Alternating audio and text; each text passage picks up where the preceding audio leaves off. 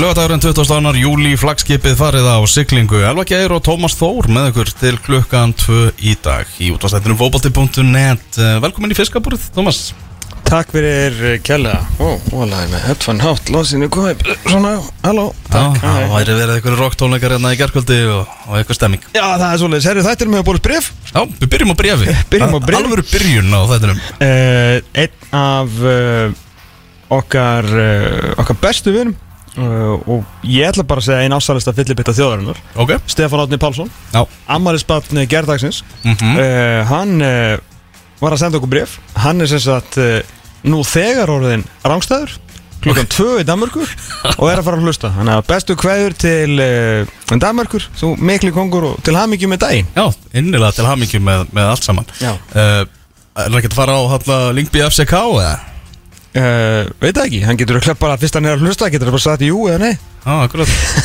Þetta er ekki að til fjóra fjóra þáttur djöfisins kongur hérna Já, mestari Hanna Valur Gunnarsson, eh, hann var á línunni hérna eftir. Hann er að fara á Lingby FCK Superlíkan fór á stað í gær og fyrsti leikur Lingby á móti liðinu sem er að fara að mæta breyðabliki og hann er klukkan 2 við ætlum að heyra í, í Val Gunnarssoni eftir klukkan 1 þegar hann er mættur svona á, á völlin og komin í fansónið. Ég veit að Byggi hjá ITF, hann er líka á vellinum. Ok, og ég held að það sé ímestlega sem hann getur punktað niður svona hugmyndir fyrir, fyrir liðinni í bestu deildinni til að auka sína umgjörð í kringuleikina ja, algjörlega það er alltaf verið hérna, mikið og margt sem að krakkarnir í Kongsins Lingby gera fyrir, fyrir sína leiki sko.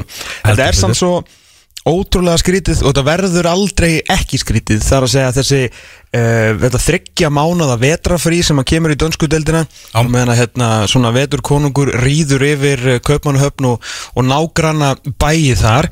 Uh, svo mikið svo rosalega langt hérna, vetrafrí að það þarf heilt undirbúnast tíðinbili viðbót. Svo einhvern veginn hérna, ertu mestari, hver eru mestari ár? Nei, Það hefði ekki að vera mestarar Lingby sko bjargaði sér. Við vorum að horfa á Lingby bjargaði sér Á mánudaginn. Já, Mér líður þannig sko. Einmitt. Svo bara let's go.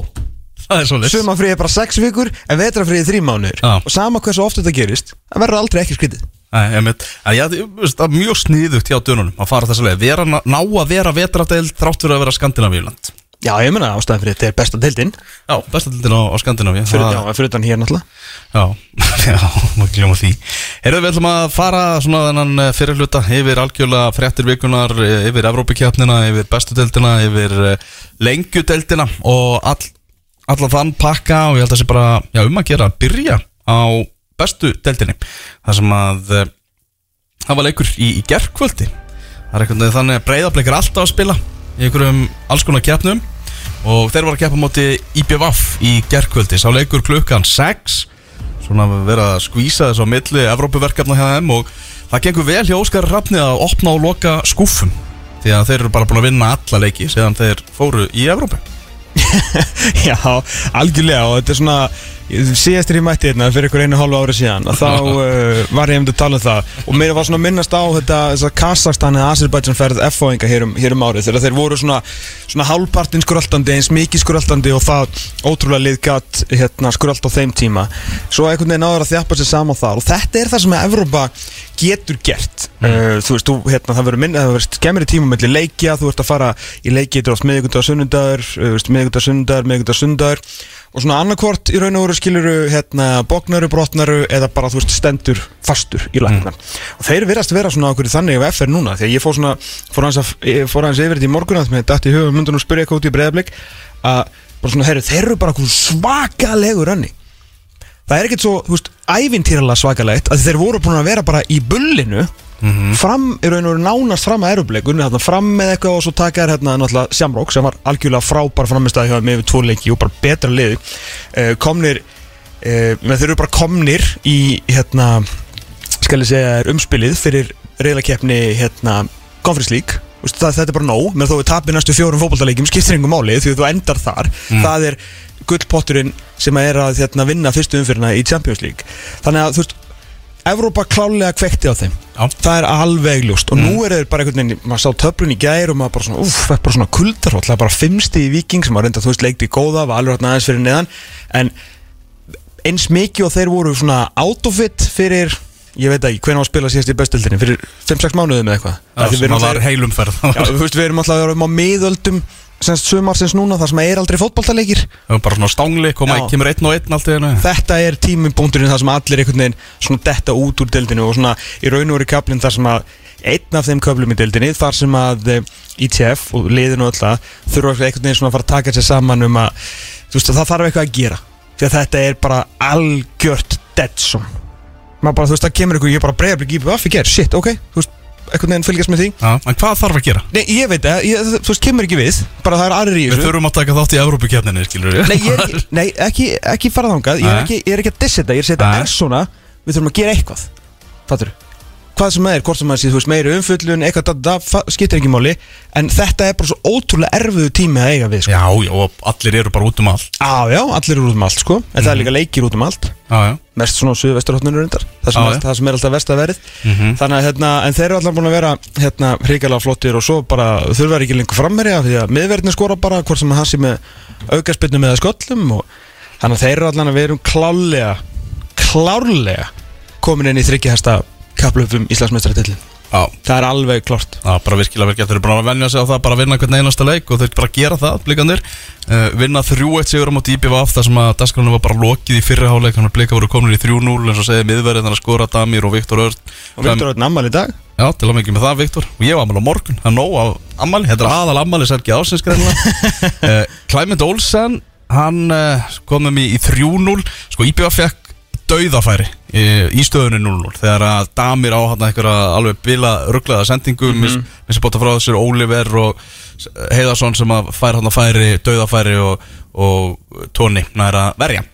Þannig að, já, já, mörg breyta leikjum og allt En það er Damir, ekki nokkru einasta máli skipti ger sko. Miður. Nei. Fyrir björf bara miklu betri og, og gátu bara svona einhvern veginn malla þennan setni háleik Herman Þór Ragnarsson sem er bara sjóðveitur Já, í flottur. IPVF núna Já, sá hann hérna live á móti framundaginn Já. Hún hún var bara mjög flottur sko Já.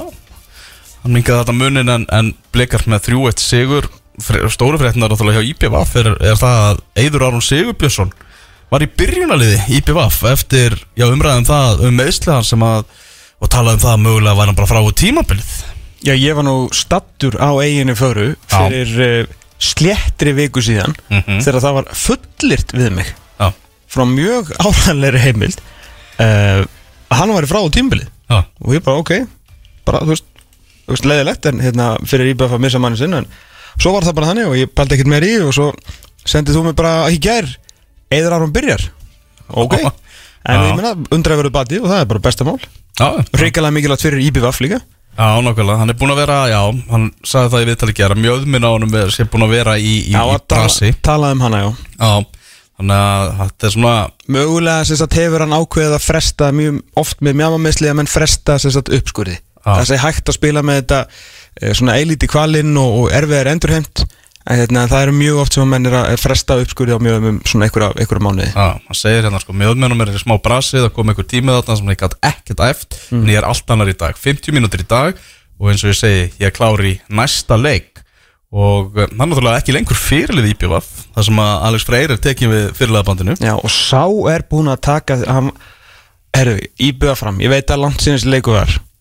Þetta er leiðilegasti fótballtaleikur sem ég hef séð. Já, og ógeðslega leðilur og allir leikmennir á vellunum voru ógeðslega leðilegir og Petur Guðmundsson var sko að missa vitið þeir voru svo leðilegir enginn var leðilegir heldur en Alex Freyr Hilmarsson sem var svo leðilegur að mér lettist að horfa á hann upp í stúku. Hann var að henda sér niður, hann var að rífa kjaft og sko, ég, ég kemur á sko, Petur Guðmundsson hann var svona millimeter frá því að handtaka hann bara vegna leðinda En hann var svona, þú veist, hann var samt að kaftina og hann var langbæst í maður, leikmaður í BF-leiknum til að gefa hann kredit fyrir það. Svo hitti ég meðlum dómarateimisins á góðslökum um nóttina. Já, sem tjáði mig það að það bara, hérna... á lundanum Nei, reyndar ekki bara í skvísusundi að, hérna, að dómarinn hefði bara eiginlega verið, sko, borderline búin að gefast upp, sko, og voru svona að pæla bara í einna myndu uppbótum tíma til að komast út af vellinum, þetta var svo leðilegt, sko. en hann var, mikill kaftitt í Alisfæri og hérna, auðvitað, hérna, gerði vel fyrir okkur vikinga á, á, á sínum tíma og hörkuleikmaður, en svona, hann má alveg sjá að hann tekur bandi mjög, mjög alvarlega og var svona mjög, var mikið svona leita á hluturki í honum, hann ég skil alveg af hverju hemmi afhendur í honum bandið, þó að, svo sem hefur enginn komin inn ofnbær ástæði fyrir því að Eiður misti það, sko. Nei, hann svaraði þessu tengist bæði meðslunum og ég er búin að vera svolítið inn og út ekki geta æft og Alex er alveg jafn mikill fyrirliði og ég. Mm, Pyrra mig svo sem ekki að vera með eitthvað band eða ekki og meðan ég er svona inn og út er eina vitið að hann er með bandið, finnst mér. Já, því Eður var alveg góður í þessum leikum á því fram og mjög svona hvetjandi og drífandi með Já. hérna strókið við hliðin á sér um að manni hvað heitir nökkveða göti Skilur einhver mál hvort að Eidur Aron sem er band eða ekki hann er alltaf leiðtói inn á Já, vellinu Guðmi góður og, besti leikmann í liðinu ef hann er í, hérna, ef hann er í lægi mm Blikandir með Sigur svo tekur við núna þar núna bara þetta einví á móti FCK sem er drullu skemmtilegt. Að- Mjög skemmtilegt. erum að fara að fá FCK í heimsókn á Kópavóksvöli Já, bara geggjað sko, alltaf gaman að fá þessi hérna, skandinavísku stórveldi og þetta er helítið svona, er þetta ekki númer eitt svona skandinavílið sem við viljum fá? Jú. Þú veist þá gaman að fá Malmö, mm risa klúpur og svona en uh, jú, jú, auðvitað svona einhver íslensk tenging Viðar, Kári uh, og fleiri sem hafa verið þarna uh, en svona FCK þetta einhvern veginn, svona Rosenborg væri merkilegra að þið væri frá, ekki frá Nóri þannig að svona ég held að mm, FCK sé svona krem til að krem fyrir okkur held ég að sækja af þessum skandinavísku stórliðum sko. Já Það verður mjög áhugavert að sjá blikana máta sig gegn þeim mm -hmm. Eru það þarna blikar búin að vera orðaði núna við annan færeiskan sóknarleikmann Jóhann Simon Edmundsson sem er náttúrulega bara stærst, stærsta fótballtanafnið í færium Mhm. uh, Það sem að svona, stendur svolítið hnífur í kúnni er að blikarnir vilja vist fá hann á samning út tímabilið. Mhm. Hann vill ekki gera svona stuttan samning. Ef hann vill semja þá vill hann semja út næsta tímabil. Fá eitt og halvt ár. Já, Það er- mjög eðlileg eðlileg pæling hjá honum. Já skiljanlega, hann vill vera með svona framtíð sína öruga En ég meina, ætti það ekki að vera borlíkjandi bara því að klára þetta samrákverkefni er hérna uh, ég held ég, já eftir ég glimti að gera hérna starfæðin, ég held að blika sig að fara að fá sko tímamóta upphæð í gegnum Európu Já, þeir að fá sko mestarapenningin Champions League pre-qualifier, fyrstu umferðina aðra umferðina, Europa League og Conference League. Mhm. þú veist þeir eru að fara minna þeir vera sko lang ríkastir á eftir skæðurum en meira það síðar sko. Já. Þannig að eh, Kannski félagurinn sem er að selja fastegnir líka Já, já, já, fyrir ekki aðeins Allan að þeir verða með mjög rosa mikið veluna fjö Allan á milli handana Velunni, veluna fjö En það er bara spurning hvort að þeir vilja fá Skilju Jón Símar Edmondsson í eitt og hálft ár Eða lifa af ánans og taka svo hérna Elmar Kókits bara í, í, í vetur. Ég, rekna mig bara í það að gerist mm -hmm. Lofbrúin á milli. Mhm. Móses Bæðar og Kópavóks Lítur að halda áfram. Mm og, fekk, uh, og þetta er bara spref Já, já. Já, Káa gefst vist ekki upp í baróttunum Jóhann Símon. Þeir vilja líka fá hann Ok, menn hafa náð að kveikja á einhverjum seðlaköllum svona eftir hérna Európa-sigurinn Já, mögulega Vel gert. Og ég menna það hefur verið smá að brasja á, á Káa sóknarlega og þetta er sóknar leikmaður og uh, já, hann er vist með tilbúð á borðinu frá, frá Káa Ok. Þannig að það er, það er stuði í þessu sko. Já, já, það er alltaf, þú veist, það er náttúrulega bara eitt símanúmer og þá er þetta að retta rosalega mörgum hlutum fyrir norðan, sko. Já, Þráttu sama hversu mikið þeir vilja meina að það sé ekki hægt þá er það nú samt hægt. Það er rétt. Herðu, ég ætla að fá þig til að spá í komandi umferð í bestu deildinni. Mm. komandi leiki uh, það er, já, þess að við verðum náttúrulega að byrja í gær með þessum leikblika á IPVF þannig að ég ætla ekki að láta að spá í hann. Valur fram á morgun maður sér aldrei sér við aldrei spila. Jú, Valur endar hann að hún ekki ekki beistinu þetta, Valur fram eh, náttúrulega fram rosalega lélegir að verjast maður, Jesus Christ, Heru, ég ætla að segja mm, 3-1, 3-0 mm. Valur? Já, Viðar Ari að æfa með frömmurum. Já. Var þetta ekki, ann, var þetta ekki líka las eins og ég var að, Mér fannst þess að ég var að lesa eftir frá því fyrra. Var þetta ekki einhvern veginn á sama tíma fyrra líka við þar Eða var það Adam eða eitthvað? Það getur verið, manna það ekki allan eða það er því að Síðast er maður sá viðar var hann hörkuflottur leikmaður sko. Ég, Já, er hörku flótu leikmaður og, ég, Svo sem ekki duman í dag þannig. Og eitthvað sagði um það að það sé einhver utanöðkomandi framari Mm. sem að sé bara tilbúin að borga fyrir Viðar Ara út þetta tímabil. Já, bara uppsett verð. Já, bara hann bara borgar úr eigin vasa þannig að félagið þurfa þurfa ekki að borga neitt. Já. Herðu, ein hérna leigubilaslagur eigum Já, að það er nú til nóga peningum í versmannu líka þegar að það veiðist vel. þegar þess ber undir Já, Þetta er leigubilasaga bara Já. svona af, af bróðers bara skemmtileg sko. Mm. að hérna þeir voru að reyna að fá viður Kjartansson.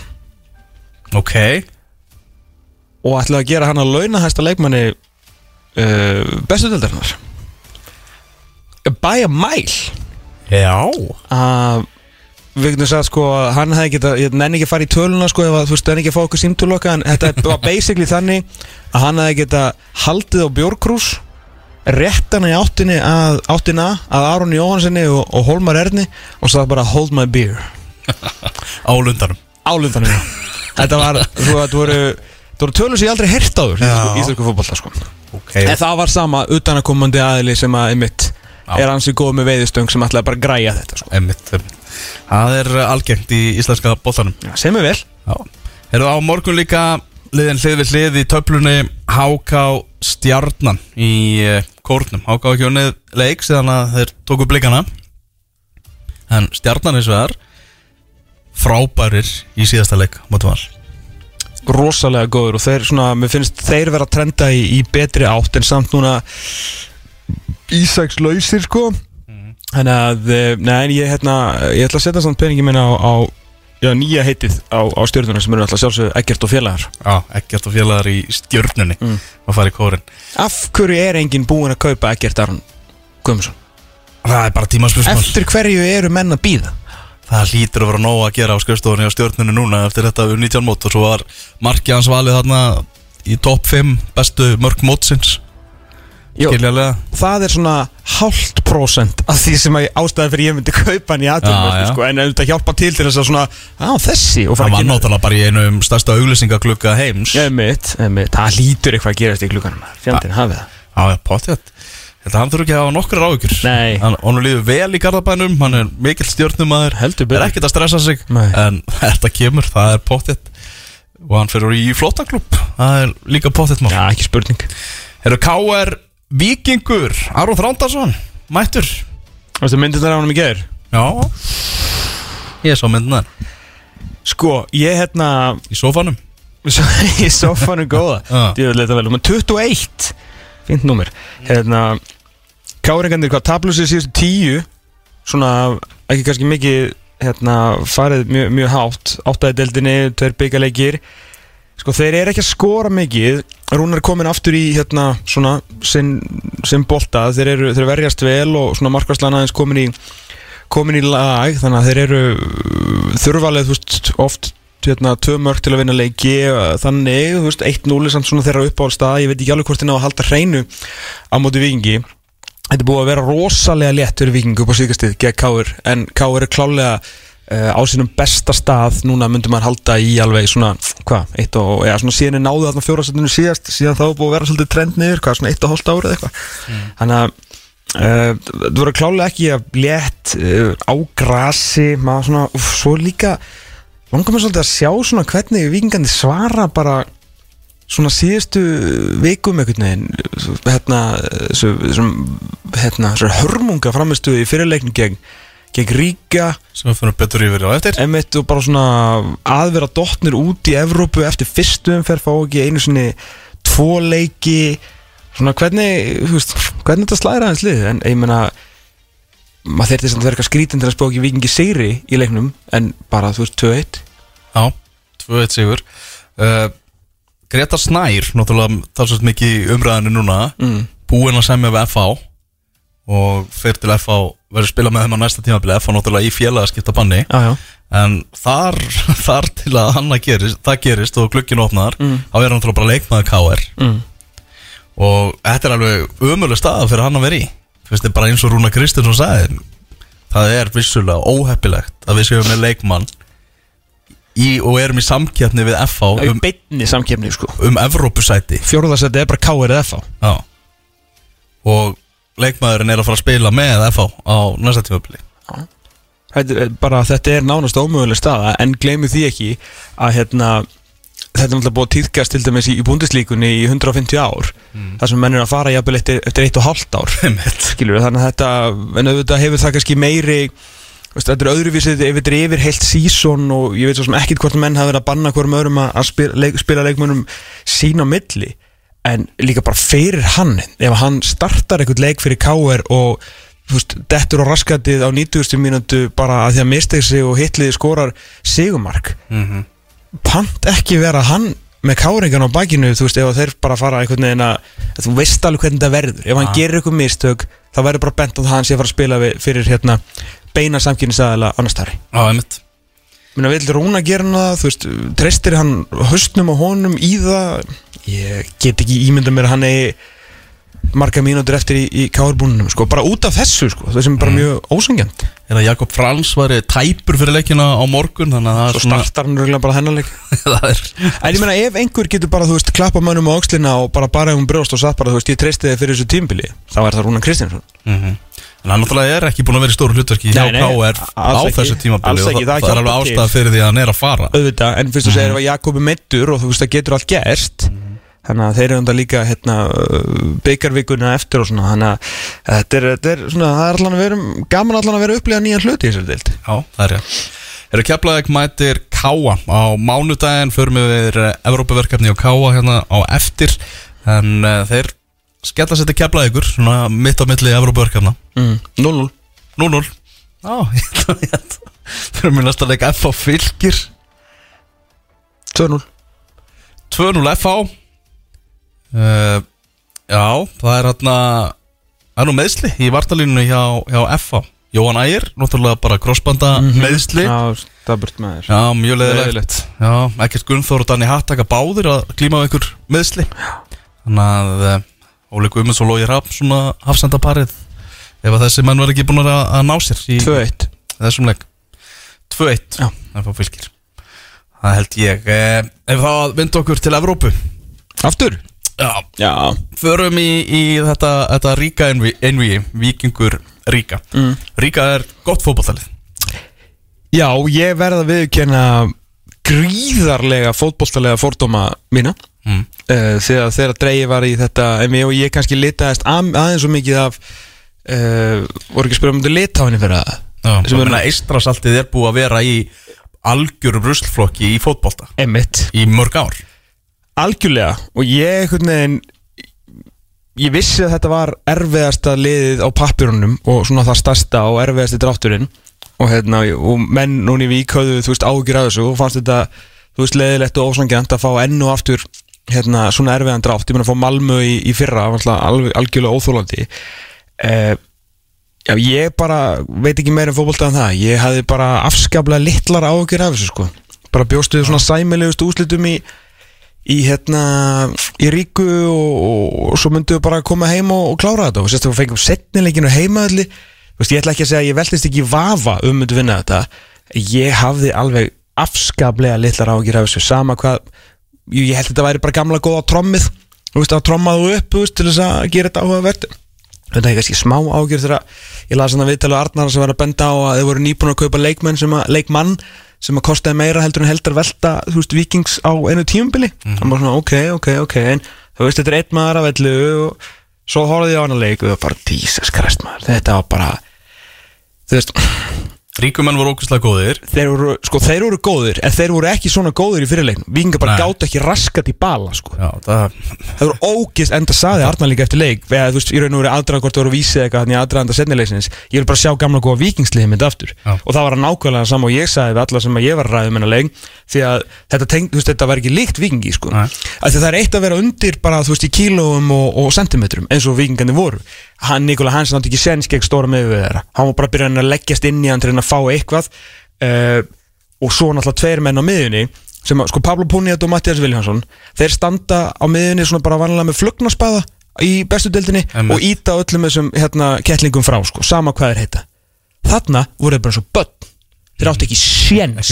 Áttu ekki lifandi séns. Uh, og ef ekki hefði verið fyrir Ingvar Jónsson sem að bara var í þvílíkum Ingvar Jónsson ham þá þetta einvíðin alltaf verið löngu búið fyrir, Einmitt. fyrir setnileikin, það var alltaf algjörlega magnaður í fyrirleiknum og góður í setnileiknum líka. Uh, en þú veist, viknandi fengalið séðan sem skall í slái fyrir háleik og annað gott færi og nokkuð gott upplöp nokkuð góð upplöp og vörðust vel og svona hetjur rétt og komist í gegnum fyrir háleikin 0-0 síðan bara fóruður og sendt á stað. Það er bara þannig, þú veist, í 1-0 þá getur leftir að bara, veist, býða með sjöttagýrin fram á svona 75-80 en í 2-0 er það heldur erfitt. Og það náttúrulega er afskaplega einföld breyting á þessu liði eða sérst á frá því að fara úr hérna þriðja fjóragýr í sjöttagýr og það er bara lítill strákur hérna sem heitir Ari. Ari Sigur Pálsson er einn besti leikmaðurinn í bestu deildinni. En á einhverjum óskiljanlegum ástæðum, ég veit að það var að koma meðslum er hann alltaf á bekknum með vikingi hann kom bara inn á og pakkaði þessum gaurum saman vinstri bakurinn hann það sem var nánast búin að vera með lokuð augun. Hún- lettist í barátunum við Elling Gagnarsson hann gerði svo lítið mótunum hefðu, hann fekk bara kvíðakast um leið og Ari kom inn á. Fekk mm. guldspjald bara strax og hver leggur upp markið? Ari. Ari, já ok, þetta er hug. Og þegar Ari og Helgi, en ég skildi alveg pælinguna Vera svona má, með smá þingsli reyna að taka þetta svona smá boxbardagi, taka aðeins púrið úr þeim. Þú veist, Matti stegu upp í setni áleik Var miklu betri, Pablo miklu betri í setni áleik Nico fór svolítið að setja bara Svo líka, sem vantaði líka Og mikið verið að kalla eftir í stúkunni Að þegar þú ert svona undir í baráttinni Setta aðeins olbúan í þeim Í- Láttu allan Já. meiða sig sko.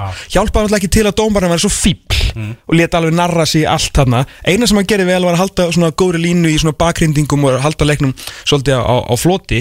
En svo var hann láta, þú veist, plata sig alveg Vingur að fá víti þarna. Hann var greinlega búin að merkja Djuric og mjög ósangjant Þú veist, þetta er allavega eitt og hálft Ef ekki tvö víti sem að Djuric að fá. En hann alltaf búin að dífa sig einu svona undan Og þá á hann ekki séns á þessum dómara Það er þannig, með, þú veist, svissnesku dómari Alessandro Dudic heitir hann sem að dæmdi þennan leik. Og það er oft þannig hjá, hjá dómurum að þeir vinna ákveðna heimavinnu fyrir leiki Mhm. þegar þeir sérstaklega þeir eru að fara í Evrópu það sem er eftirlitsmaður hjá UEFA sem er, er að fara að taka allt út sem þú gerir. Og það er vakar einilegt að hann var búinn að punkta niður hjá sér að Daniel Djuric væri gjarn á það að dífa sér. Já. Og náttúrulega dífi sér til að byrja með. Ég held að það er ekki ein hann að það er alvöru dífa fyrst Sem að færi gulaspöldi fyrir. Svo eða hvort að það var uh, Ég held að hann farið hvort hann fór um tvisvar að allan að hann átti að klálega að fá eitt viti Það er ekki spurning. Akkur held ég að veri var í þessu Ég veit það ekki, það er í, bara á blikum í mestartildri Það er bara Champions League. Já. ah, ok, ok, ok. Ég var alltaf að býða eftir Just, Ég horfði alltaf upp í lofti að vonast eftir bara eitthvað, þú veist, eitthvað Hvar er skjárinn, Já, ég bara, hvað er himnasendingi mín? Hvað er vitið En já, menn stígu, hérna, eins og segi, verulega upp í, í hérna, setniháleiknum Oliver Ekroð var svo trúður í fyrirháleik Hann var algjörlega geggjaður í setniháleik Og svo hérna fór þetta allt á stað Og við vorum bara með það og við kalana Hérna síðustu mínútunar uh, Helgi flott einkomi skóra þetta mark Ari ennþá betri og bara góður Þeir fóru bara aðeins og sent á stað Algjör svona alls konar göstlagangur Og þetta nýrist bara um það ef að vikingur hefði náð einhverju, heyrðu, Ingvar Jónsson ekki langt bara í að skora hann undir restina, alvöru djöflagangur í okkar manni. Ef þetta eru 2-2 þá er vingur unnið til framlengu sko. Já, en með þetta ríkulið þeir voru proper góður sko. Já, já. alveg proper góður eh, þrjá, mjög óefilegt samt að vikingur hafi hitt á bara vestan leik sem á tímabilinu í fyrirleiknum. Já minna þú veist 1-0 eða 2-1 eða eitthvað sagt, að vera bara einu marki undir fyrir setnileikin Já. hefði verið allt annað dæmi. En já þeir voru hérna, leikmannum með 30 og hérna, leikmannum með 10 og vinstri bakverðunum með 45 þú veist, þetta eru bara, þetta er bara alvöru góðir gæðir. Svo hann er nummer 8 á miðjunni líka. Ógeðslega og þetta var bara svona maður svona, já, já, já, ok, þú veist, þegar maður hor- þú veist, þetta er munurinn á bestu deildinni og liðum sem að, þú veist, það sem menn fá borgað í ykkur miljónum, bara miklu fljótar að hugsa miklu sterkari miklu fljótari með, þú veist, menn frá, hérna, Suður Ameríku og Afríku sem eru bara byggðir einhvern veginn öðruvísi og Mjög professional holning á þessu lið virkilega fitt oft höfum við grætt á því að vera einhvern veginn að spila við þessi lið í júli þeir voru búin að vera að taka á því sko. en bara gott lið hetilega bara þarna síðustu 15 minn 20 minnar var bara ekki alveg nóg mikil synd. Mm. Þjálfur er ríka í mjög og á Ara Sigurpálsson Já, í byrjunarliðið. Það er þín ósk. Já, af því ég hérna mér dreymdi í nótt að ég hef verið að rífast Arna Gullarsson um þetta. Já, og hann hafði rekið út úr klefanum. Ég veit ekki af hverju hann var í klefanum en þú veist þetta er komið svona djúftinu sónlega mér sko. Og e- ein helsta þú veist að ég er nú ekki kannski hérna bjassinasti stuðnismæður heims. Nei. við erum með eitthvað stega fórskotana og eigum eitt leikti góða. Tvær ástæður fyrir því að ég er svona bara ok, ég held að getum bara tekið þetta skilur fyrir utan að við erum með Arnar þetta er gott leik Ari Sigurpálsson og Aron Eli Strandarsson. Mm. ég vil meina að Ari, Sigurpálsson þú veist, það er bara sæning núna í glukkanum ef við förum að nota hann eitthvað. Já. Nota Ara. Er þjálfari ríka í áhugaverðu viðtali eftir leik? Já hann er hrifin af vikingsliðinu og ákveðnum leikmunum og hefur náttúrulega gert tilbúð í, í Loga. Eh, gerði það í, í fyrra eða ekki? Í Loga Tómasson. Var það fyrir að þetta er reyna allt saman Já, eitthvað hann hefur allavega gert tilbúð sem, Já, að, sem var, var hafnað. Og svo sagði hann reynlega bara með, með Byrninsna Ingarsson ég vona það svo sannarlega að hann skrifi ekki undir nýjan samning við Viking því að þetta er maður sem að ég er tilbúin að fá hingað. Það er svoleið Byrti gerði nú ekki mikið í þessum leik En, en ok, nóg, nóg hefur hann gert. Já, og hann hefur vantilega líka bara hort á Vikingsleiki Já, ætla ekki segja Ef hann hefur fylgst með þessu tímabili skil ég þetta mjög vel. Já, og hann var greinlega búin að finna það út að, á Spyrnis væri að, renna út. Talaði líka um Helga, hann vil bara fá hálf vikingsliðið bara yfir til Lettlands Hefur þú máttu velja einn. Alveg nóg. Þetta var mjög áhugavert hann sendi bara skilabóð til Byrnis bara í gegnum þetta viðtal. Já Já, þetta er Þetta er alveg kall, hann, er- hann, hann kann, kann trikkin í, trikkin í bókinu Já, já, já, það var- það var vel. En já, ríkilega leðilt að vera, að vera búið með Európu í ár sko. Já, en eh, hinn íslensku liðin þau eru komin áfram. Káa flög áfram hann á móti velska liðinu. Daniel Hafstinsson og Elvar Átni Aðarsteinsson mörginni í 2-0 sigri og þeir eru að fara að mæta okkar mönnum í Döndalk. Heldur betur maður. Döndalk sem að sló út FA fyrir sjö árum. Þá tölum við um þetta hérna í þessum þætti sem púpaliðið Döndalk. Já, og við skulum ekki Ég þólar e að fátt sér fyrir meira í töðunar um mér heldur en sögufalsanir.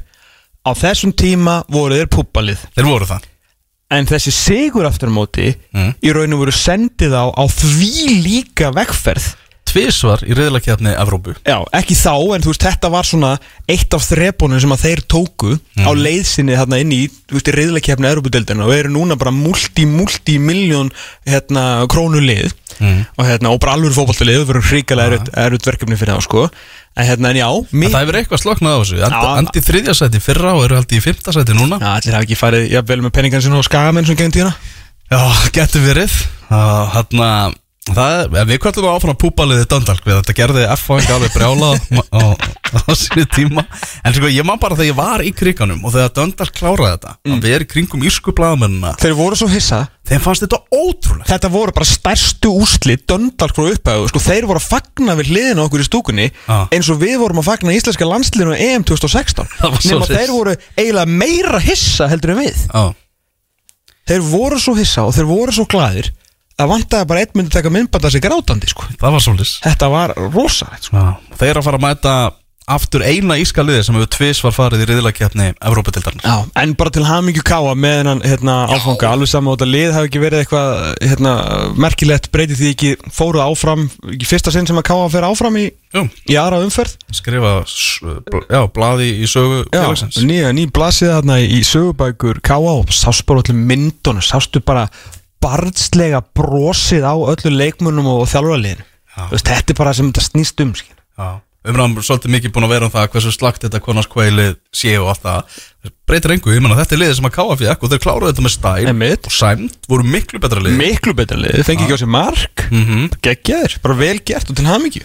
Já, bara það er ekkit annað, annað þetta að segja. Þannig að, eh, já, og vonandi sláður út döndark Já, það væri, væri við fyrir þá í eh, lengjudeldina lengjudeldin afturölding 9 Selfoss 0 herru hvað er langt sem að Selfoss vann leik?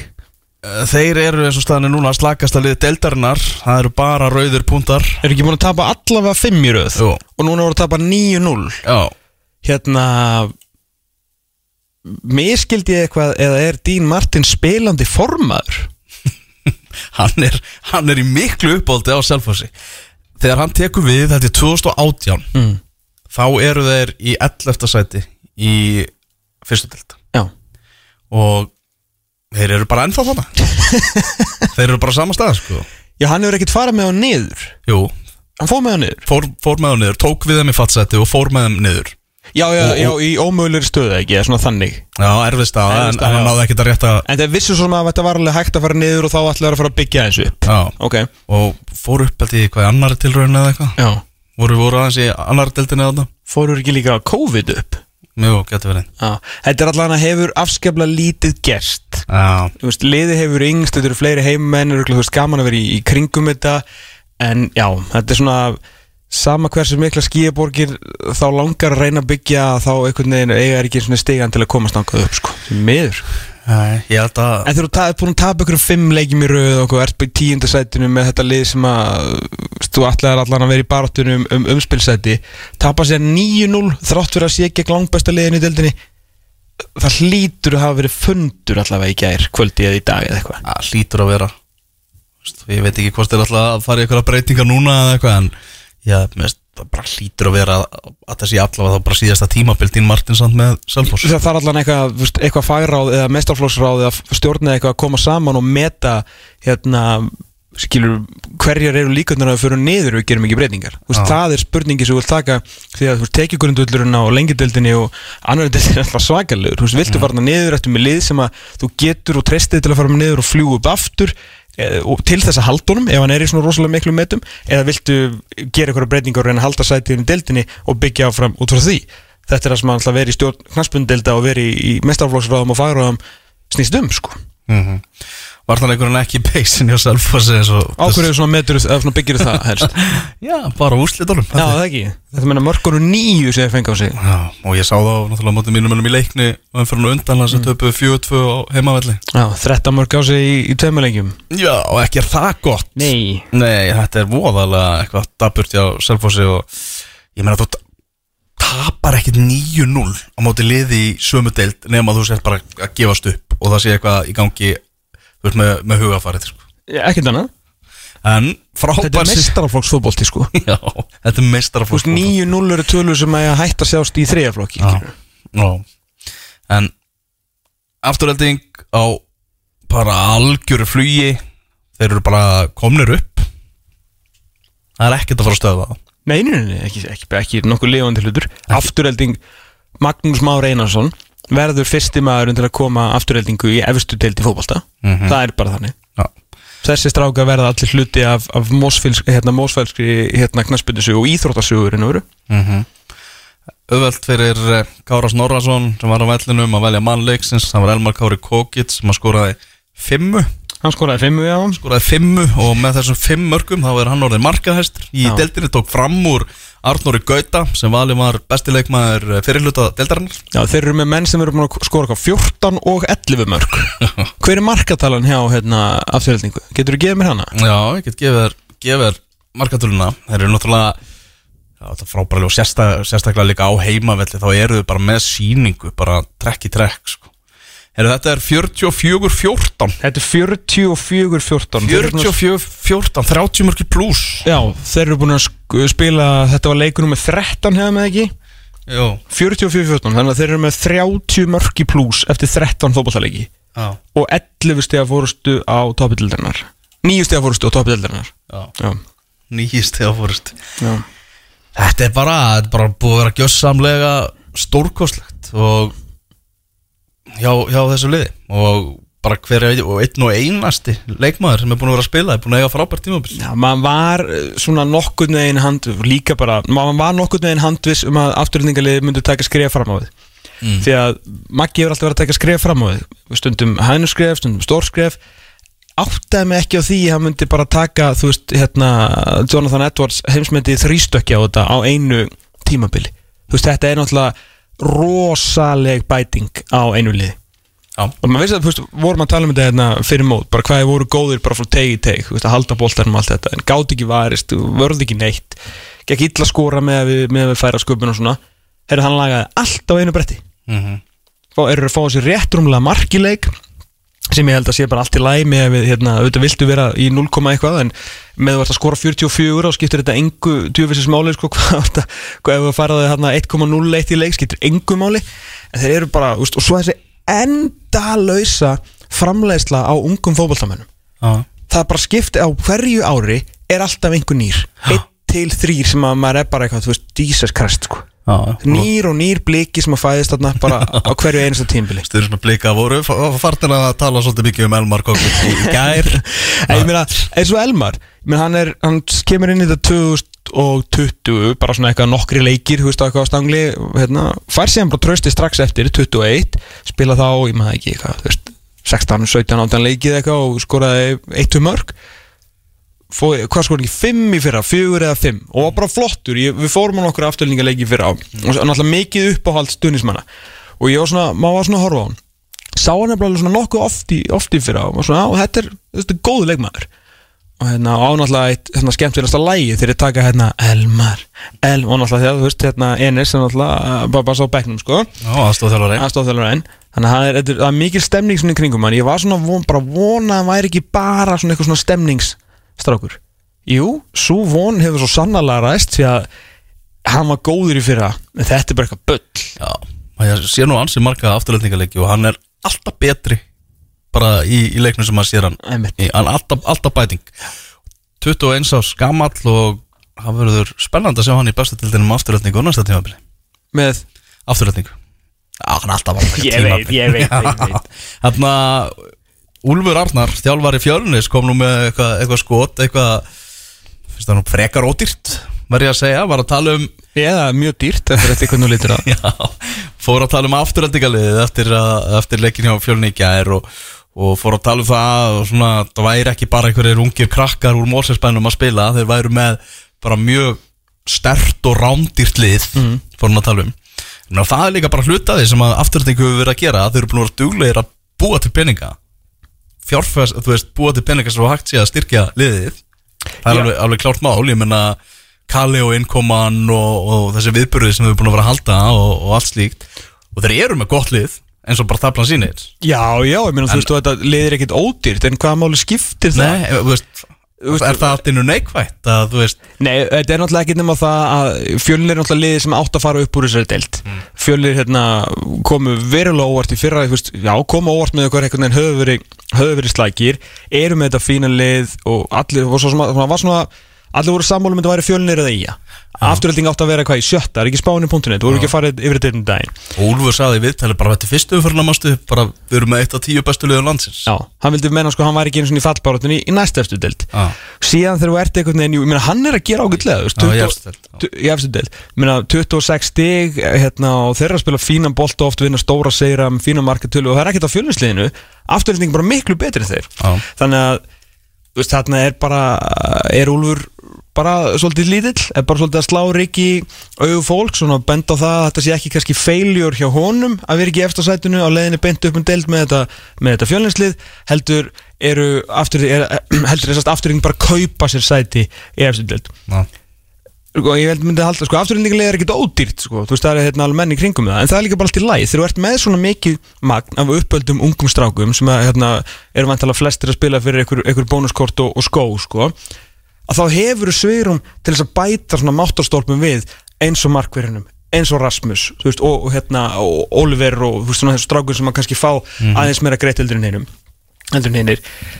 en það eru líka lið sem að hafa verið svona 27 sinnum dýrari heldur en þetta er afturlendingarlið og ekki farið upp með deild sko og ekki einu sinni verið nálætt í Mm -hmm. Íþróttabandalega Akranes í gegnum árin er ekki, ég er ekki bara að tala núna sko Grindavík, Víkingur Reykjavík uh, hérna Knaspinufélag Akureyrar þegar þeir mættu með dýrasta lið mannkynnsugunar hérna og fóru ekki eins og upp þannig að þú veist, það er ekki sama sem merki með að, við að vera með eitthvað hérna rándýrt lið og, og fara upp sko Já, mér finnst það, Hva, þú veist, hversu mikið kostaði hérna gróttulið sem að Óskar Rapp vann deildina með? Var það ekki cirka bótt 0 krónur? sérskapot, Já. ekki bara bóluskarislur Bónuskreslur og eitthvað, þú veist, og bara peningurum var settur í umgjöruna Þannig að bara, þú veist, mertu bara ánæði með 26 stíðin þín og settið bara við að Maggi Ból er bara með langbesta liðið þess að deild Já, Já mér finnst það ótill, líka ljósið þess, þú veist. Úlfur er að gera fína hluti með segja, ég er að segja það, það er Já. ekkert að því Liðið er klála á réttri leið undir hans stjórn Ekki spurning. Maggi Ból er bara betri Já. Það er svo leys, fjölusmenn komu og tóku ægismenn pökkuðu þeim saman 5-1 Mm. og það er eiginlega bara reynilega óvænt með að við hvernig ægismenn hafa verið tapa mörgum leikjum en alltaf Já, nú er Það svona. Ég getum að rýmynda sér að það fari að svona pendullin fara að sveiflast yfir á, á hinanliðina sem að þeir ná ekki, það er mjög erfitt að alltaf gefa öllum leik heilt mót. Maður spurning hvernig er svona þegar nýju leikmennir eru komnir betur inn í þetta hvernig, hvernig það verður. Þeir er alltaf að alltaf keira á þetta, þeir er alltaf að reyna eins og þau geta, ógislána með að vera ekki í hérna einhverjum uh, pakka saman og, einhverju upp, svona ofinberri uppgjöf. Á, einmitt og uh, voru, já, nýjir leikmenn að spila þannig gær Kante, eða eða N'Golo Kante en svona er kallaður. Hann er hann að djúpur á miðinu hann spilaði þennan leik en, en bara fjölinsmenn miklu betri og og voru bara búin að stúta þessum leik eftir einhverjar já, komin í 2-0 eftir 16 mínútur. Mm, Já, bara vel gert sko. Já, erum við aðri leikjar sem að framfór í gær, hann var náttúrulega áhugaverða leikur í Njarðvík, þar sem að Njarðvík og Gróta mættust, 1-3 endur leikar Njarðvík tapaði þessum leik undir stjórn nýs þjálfara Gunnar Heiðar Þorvaldsson, komin aftur í lengjudeldina uh, er að flytja á Reykjavíkusvæðið Já, sem er óskilulegt með húsi sem hann er búin að byggja sér hérna í Vestmannu Já, það komið á sölu. Það er alvöru höll ok, ég hef ekki séð það. Þetta er rosalegt sko. Ok. Og þetta er á sko besta stað í Vestmannu Ég hef aldrei séð hann eins útsið Þetta er geðveikt hús. Já, ég heyrði mér það að það væri líka verðið á þessu væri ekki svona í samræmi við það að það væri hús í vestmanni Eh, Sko ef þetta væri með sama útsinni sömu pælingar Reykjavík þá við að tala um svona 250 miljonir Það er svolítið Já, já, já. Já, þarna Já, Gunnar Heiðar ætlar að fara í, á fullu í, í þjálfunna og hans s- náttúrulega var þjálfari vestra en var samt búsettur í vestmannu var einhvern veginn svona stökkvandi á, á, á milli. Já, nú er hann að fara á fastalandið Já, sagði hérna í viðtalið þegar hann var ráðinn uh, fara almennilega í þjálfun gefa því almennilega sjænst og uh, já, svona sagði einhvern veginn svona, hann hafi ekki verið alveg 100% í þessu vestra dæmi. Nei, ég meina saman hversu mikið þú, þér langar að vera og hvað þú ert að segja við sjálfan í kollinum ef að, uh, þú veist fótballaliðis og þjálfar er á vestfjörðum og þú byrði vestmanna eigum þetta verður aldrei. Þetta er bara eins og, þú veist, Óli Stefán í sínum þjálfara, hérna á sínum þjálfaraferðli með þessar endalösa ferðir frá, frá höfni hóðnafyrði mm. veist, svona bara virkar ekki fótballþjálfun í dag. En áhugaverð ráðning hjá njörðvikingum uh, kemur svolítið, svolítið óvart. Maður held einhvern veginn í þessari stöðu að þeir myndu leita í eitthvað gamla Reyna í símaskrá uh, borgarhalskóla Já, þá bara bjarna aftur? Já, og maður orðaði við þetta. Eðlilega. Já, maður, maður er svona, þú veist, þú Gunnar er, er óreintu þjálfari. Hann er að fara í rosalegt verkefni núna að reyna að koma njárvikingum að stað og koma þeim upp úr fallsæti sem bara óreintu þjálfari. Sem að, jú, jú, gerir fína hluti með KFS skiluru og fekk þetta vestradæmi. Þetta er bara allt annað, allt annað verkefni. Ég Gunnar Heiðar er svona þjálfari sem þú hefði til dæmis ráðið ef að valið hefði skilur við staðum millir hans eða Arnars Hallssonar, fattur við, vera með svona tvo fannig gæja á borðunum til þess að taka heilt undirbúinustilur en að byggja eitthvað upp Já. en ég er alveg sammálaður, þú ert í í lengjudeildinni, þú veist, erfið deild, uh, þú veist, þú tveimur stugum frá örugu sæti hérna með sko búin að spila tveimuleiki meira heldur en sumliðin þannig að þú ert í alvörunni í erfiðri stöðu og nú snýst þetta bara einhvern veginn um að þétta mannskapin breyta skeifum í bros, letta eins á þessu og fara að safna einhverju stegum Mm. og það er nú vanalega eins oft og það er aðeins svona hérna, ger grínað hennum gamla góða, gamla skóla og þá er hann oft ansið góður í þessari stöðu sko. Já, hann er mjög góður í því og þannig að þetta er áhugaverð leið þannig að maður, ég hugsa þú veist, ef Njarðvík fellur undir stjórn Gunnar segðas, Mm. hann næri ekki að bjarga þeim frá falli, þá hlýtur hann samt að fá tröstið áfram til þess að reyna að koma þeim aftur upp ég myndi halda að það væri pælingin einmitt með því að ráða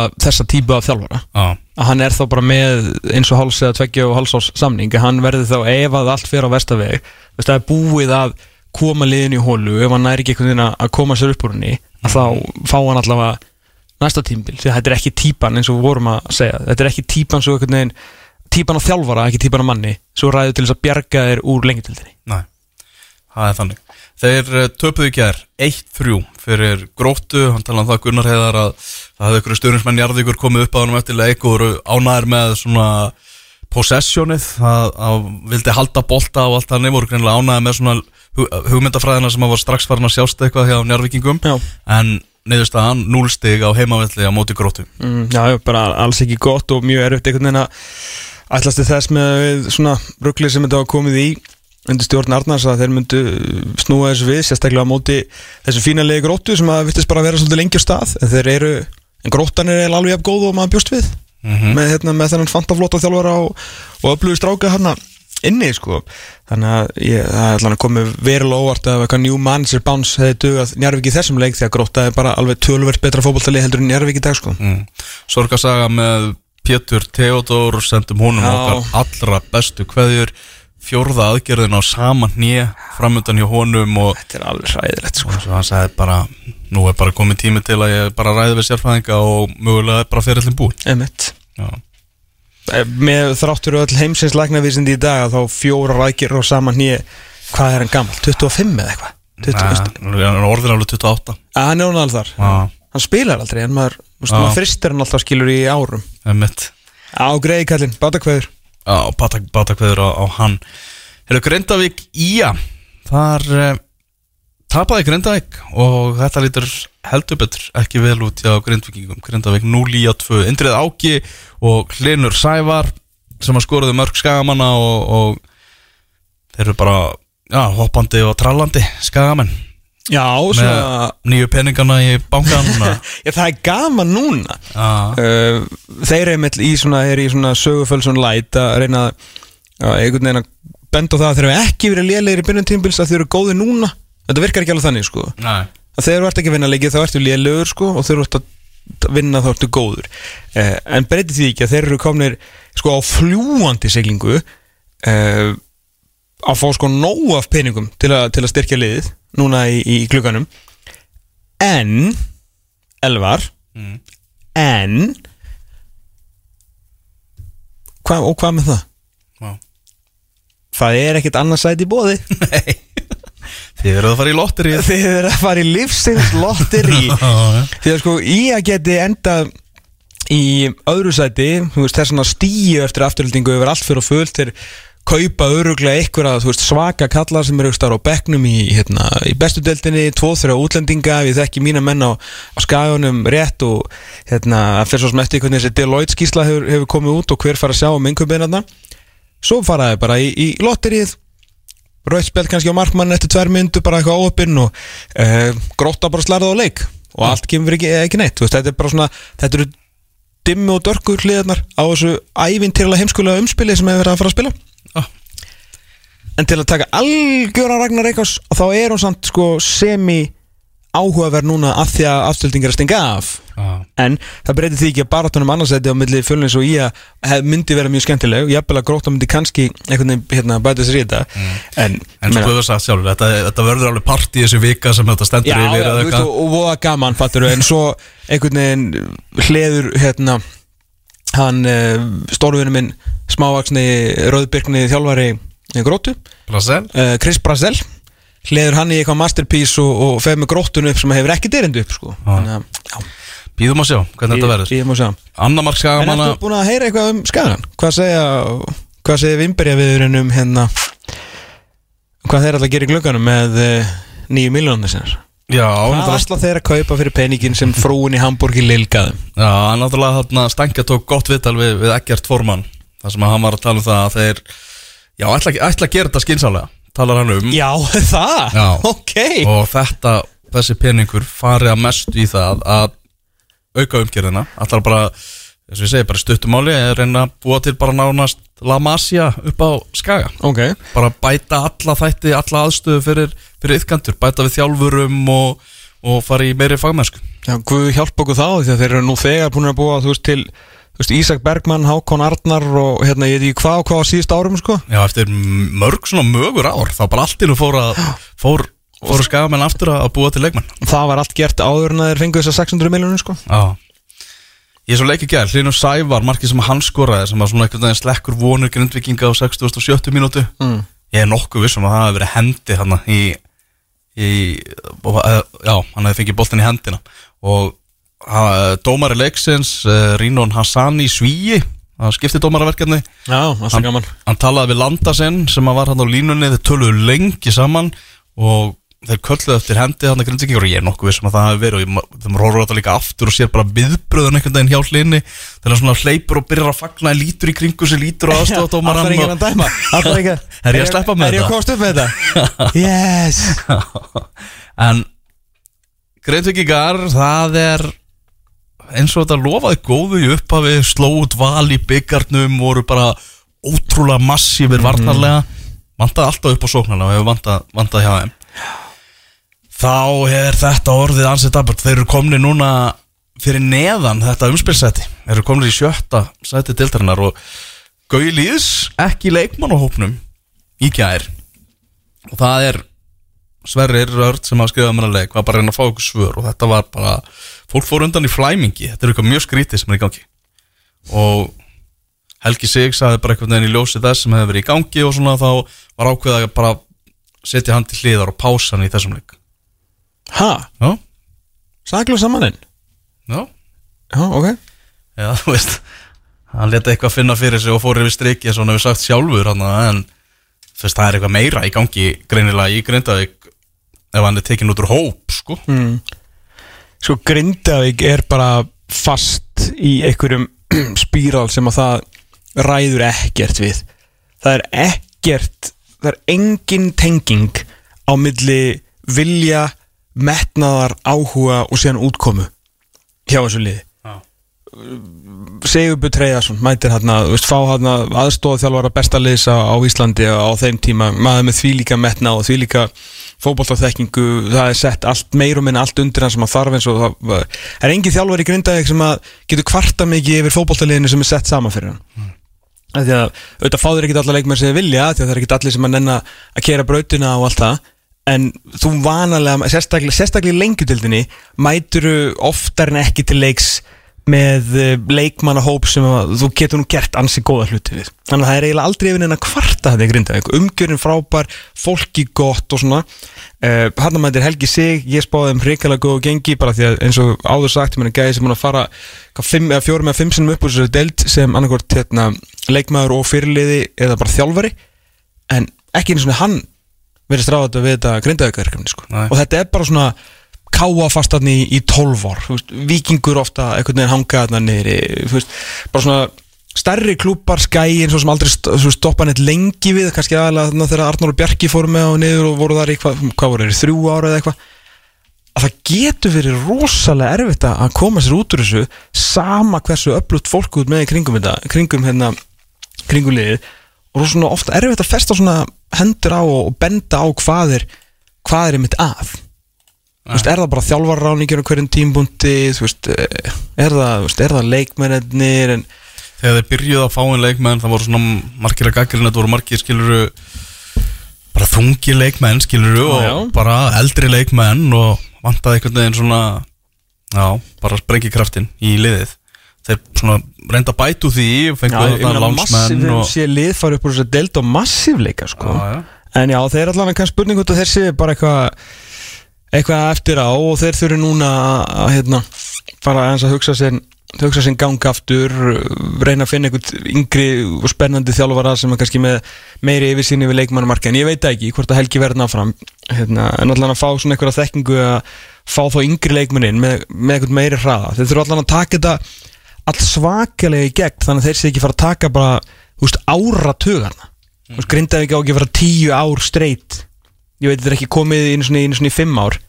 En það er ekkert sem segir einhvern veginn að þeir séu að fara hjóla sér upp úr þessu delta á næsta árum með sama hvað þeir reyna og sama hvernig ráða og sama hvernig kaupa og sama hvernig þeir borga til að spila fókbalta þarna þá er þeir aldrei nálátt þessu. En þetta lottir í fyrirkommulega getur bjargaðin fyrir hot á þessu tímabili. Hvað er, segir okkur grindaði hverju þessu lottir í? Fjölnir í að gróta mm. og leiknir bara á tölverð betri vegferð heldur en grindaði ekki það Glöggin er opinn og greintökingar eru svo sannarlega að taka púlsinn á mönnum já, já. og leita, leita og þurfa það sem heldur betur. Þeir þurfa að hitta á bara fimm rétta og jóker ef þeir ætla að gera eitthvað hérna, í, á seðlulega mótsins. Mm -hmm. Það er svolítið Eru þið bref? Þetta er bara bref ja, Þriðja brefið Þorstein Aron hefur ekki spilað með Selfossi eftir U19 mótið.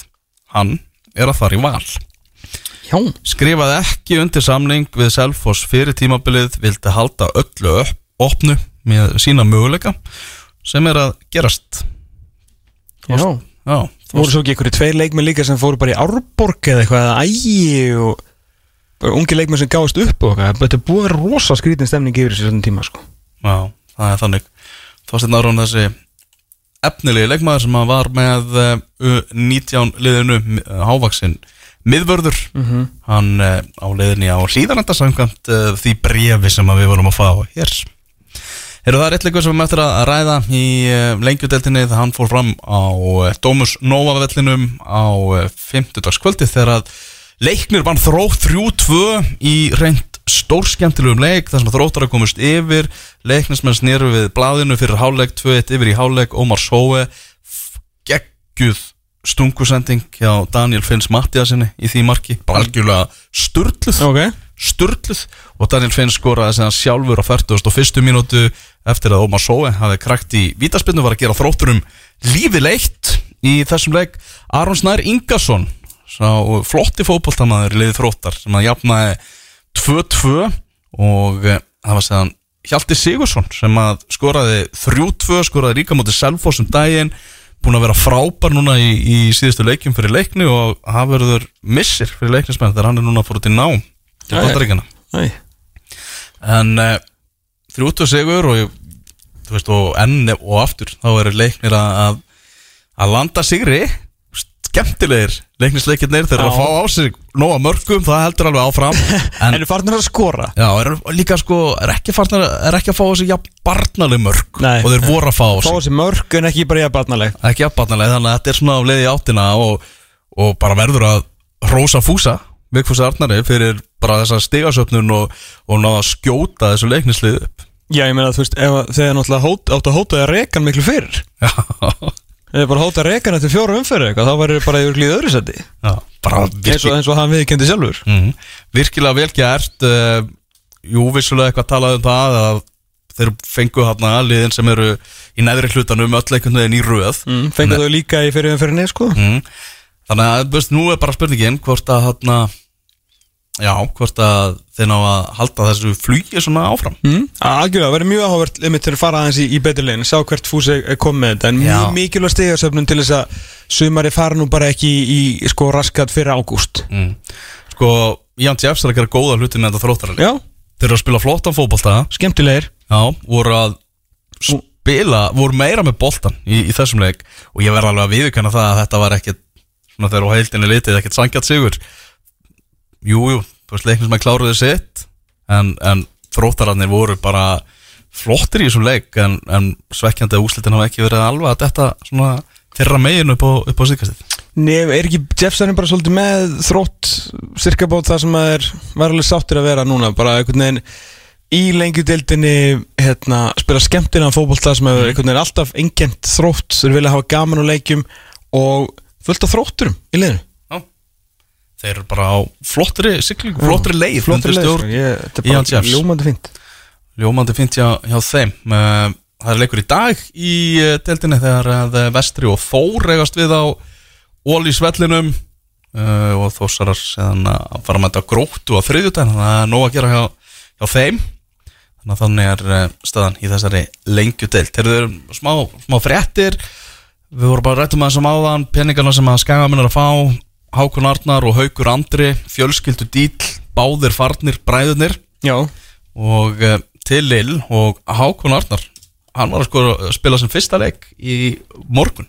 Já og setti gömlu góða þrennuna. Í fyrriháleik í fyrriháleik spilaði bara fyrriháleikin 5-2 þegar leikmenn gengur til búningsklefa æfingaleikur á móti Serkle Brúke og hann setti bara í þrennu og, og svo tekin út af í háleik svona náttúrulega vantalega að bóti eitthvað sem var ákveðið fyrirfram að hann myndi spila fyrriháleikin ja, Hérna vel gert Hákon, vel gert. vel gert Hákon. Hrikalega spennandi Sala. Hérna Stuðullinu á það að Hákon Arnar Haraldsson verður næsti Íslendingurinn í League Hann lækkaði verulega Bæði við uh, kaupin á honum Og síðan uh, Náttúrulega þess að þrennu í morgun skilur Þannig að uh, Fyrir þá sem ég eflust flestir svona fótbolta heilar Sem að hafa svolítið pælt í það því að Lill er náttúrulega stórmerkildi er, er þetta ekki mestararnir í fyrra þegar Paris hérna klúraði eins að stakka haflöpinu það, Já, það ekki Ok. okay. Þjálfari þessast PSG sem var reiki núna Já. til að gert það að mesturum En leikmenn sem að uh, hérna hafa verið seldir frá hérna Lill þetta er svona lið sem er ógeðslega gott að kaupa leikmenn og góðum prís og selja á síðan. En Nikolas Pepe kannski gekk ekki alveg hjá honum hjá Arsenal en hann var seldur og dýrasti leikmenn sem þeir var seld. Svo kemur bara listin. Viktor Osimhen, Sven Botman, Eden Hazard Amadou Onana, Rafael Leo Gabriel meðurinn hjá Arsenal. Uh, hérna fleiri, svona, þetta eru stóru nöfnin. Síðan þurfum við að hugsa um svona kannski aðeins minna þekta gæja sem að fá, að því að við veitum kannski að Hákon er verið ekkert endilega keftu til Arsenal eða Tottenham eða Manchester United. Það eru fleiri lið í Premier League. Það eru 20 lið, svona alla jafna í Premier League á hverju ári. Þá er mitt koma leikmenn eins og Gabriel sem að þeir selja bara fyrir 25 miljonir evra uh, til hérna Arsenal. Bubakari Sumare sem að mætti 2021 til eh, Leicester, hann kom frá Lill Sofian Boufal sem á sín tíma fyrir uh, einhverjum 7-8 árum síðan var keftur til Southampton, kosti 8 miljonir frá Lill uh, Svo er strákur núna sem hefði búið að setja 100 miljón pund að verð með á sem var keftur á 16 miljón til Brighton sem heitir Yves Basuma, hann kom líka frá Lill uh, eitt besti markur í heimi sem að geti líka enda ekkert maður sem Premier League markmaður Mike Mannion, hann fór til AC Milan frá Lille. Eh, Renato Sanchez fyrir um gullhafi boltahafin, eh, Luka Digne eh, Gibril Sidibe og svo náttúrulega má ekki glema eh, einum dáðasta leikmanni Liverpool fyrir og síðar Divo Guriki Með öðrum orðum bara besti stökkpallur í heiminum upp í premjölík Ég er einn af þeim alltaf Því ef þú stendur þig með uh, LOSC Lille í líka að þá er premjör líklegin að horfa. Það er alveg, þú þarft ekki að fara lengra en á interneti til að það sko. Ég er til í þetta. Guðana bænum Hákon, ekki vera eins og allir hinni sem fætti Fraklands, sláðu í gegn og komdu til mín að ári Já, það væri hressa voru ekki fraklandin að missa Champions League setið sig? Er það? Hérna, byrju Akkur var þetta ekki ykkur stórfrætt? Er ekki hollenska deildi komin upp fyrir þá fransku? Já, ok Og Holland að taka við Champions, Champions League sæti af þeim Ég held að Holland sé orðið, sérst, nú má ekki lengur tala um þessar fimm stærstu, eða þú veist, þú má tala um það, en frakkararnir eru ekki það lengur. Þeir eru í sjötta Já Ok. Ótrúlega misefni fótboltatild. Já Með að við starð á landi áhuga á fótbolta og geða hérna margir góra fótboltamanna, Já. Alveg rosalega misefna. Skrítið fótballtaland Mjög. Já. Landsliði gott samt. mm Kristall Máni Ingarsson í Sönjariske í dönsku bjöldildina gekk enga veginn upp hjá honum þetta múið til Rosenborg. Enga veginn. Og hjá þeim kórum, strákurum. Ísak og, og Kristall sem mm. var svona hann var að volast eftir því að þeir eruðu eitthvað svakalegt teimið þarna í Fyrsti leikumóts, Hjá 3-5-2 Framherðinni 2 Hjá Rosenborg Boldklub Langstærsta félagi Noregs Ein af þremur stærstu félagum Skandinavíu Kristall Máni Ingarsson og Ísak Snæð Þórhaldsson Trest fyrir þessu bara mm. Gekk ekki vel, meittust eitthvað síðan aðeins Þjálfar náttúrulega algjör hörmunglið, umulegt Og ekki að vera sendt satt heldur að þeir hafa eitthvað stíðið upp Og svo Ísak en einhverjum meðslum og eitthvað. Og svo Þannig að- sá hvernig stuðnismenninu voru byrjað að tala um það og svona og var- hugsaði maður að þetta er auðvitað bara búið. Já, einmitt, og auðveld líka Þetta er rosalega auðveld fornalömp þegar kemur nýr þjálfari sko, að henda einhverjum ungum íslendingum. Hérna hann var sendur hann bara yfir hann er ekki á láni, hann er ekki bara sendur alveg yfir uh, Jú, jú, hann er byrjar. settur Já, og okkur leikmannaskipti. Já, þeir voru að kaupa eitthvað svaka góðan strák efnilegan hann frá, frá Sönníski og það fengur Kristall sem hluta á tímum Já, Kristall vildi semst fara aftur til Íslands, Já, hann hafði engan áhuga að fara í betildina þarna en Rosenborg sagði bara takk en nei takk. Og í rauninu voru breytt honum bara í skiptimynd Já. Já, komið þáka Þetta er þetta er svolítið stór stund á fótboltafelli Kristals Mála Ingarssonar því að hann kemur hérna heim eftir veruna í Danmarku á sínum tíma eins og svo margir ungi drengi kannski eitthvað svona aðeins bóin en sá gerði vel að koma sér aftur á stað. Hann er leikilmaður í, í tvennulegi Vikings 2021 uh, far, hérna, hækkun á samningi þá kemur inn í 22 mótið sem um, allir er að benda á bara besti leikmann deildinni, var valinn besti ungi og þá árunum við átt- áður en Ísak Snær fór á stað skilur var Kristall svona nafnið sem við fylgdist með en Kristall samt alveg frábær og þeir tveir svona neck in neck bestu leikmann deildarinnar. Er algjörlega frábær á þetta hérna, Evropu-ævintýri þar sem að Malmö treysti sér ekki svona til að spila á mótónum þetta er bara að sparka hann einhvern veginn út úr leiknum og þetta fræða rauðarspjald hann er seldur á okkur 40 miljónir eitthvað svona alvöru sala bæði hann og, og Ísak á, þú veist, á, ein- á einu hálfu ári bara er hann búin að rétta fyrirlega við búin, hann, veist, hann er bara stjarnan í bestildinni og svo árið setna er hann skiptimynd og komin í bitildina í, í Dömörk Mm. sjá hvað þetta er fljótt að gerast ef að bara hlutinir fara aðeins niður á við og stundu getur ekki svona sjálfur gert neitt í þessu. Nei. það hann veginn gengur ekki alveg vel stunismenn er ekki alveg með þér eflust ykkur smá meðsli, erfitt og stundum bara ræður ekki þínum, hvorki þínum megin örlugum niður framtíð. Og þá gera svona hlutir mm -hmm. Mónir næra sér á, á skrið þessi stór skemmtilegi fótballtamæður Já, til allra lifandi slukku er Sönneríski, eins og vorum að tala um Lilla á hann lið sem að er nokkuð klart í að finna sér leikmenn þegar þeir eru duglegir að dæla mönnum upp í sérstaklega í betri liðinni í Danmarku mikið horti í Sönneríski þeir eru alvöru selling club sko. Mm -hmm. Þannig að mónir hann að taka þarna tvö skrif tilbaka til að taka sig að skrifa aftur upp. Yes sir. Er þannig, herðu þarna góð ábending hérna, ef þú vilt þjálfa í efstu deild í íþróttum þá áttu að starfa fyrir fótballta.net Maggi á leiðinu upp í, í bestu deildina. Arna Daði, náttúrulega með gróttunni í, í handbóltanum og uh, Matti Dalmæ í körfunni með haugana. Já, rétt. Og uh, það er bara að benda bara það hvort því að sé ekki sniðt að ég taki við einhverju ísokiliði jafnvel í fyrstu deildinni. Veit nú ekki hvort það séu fleiri en Er einn ekki bara þrjú komið ykkur ísokiliði þarna upp?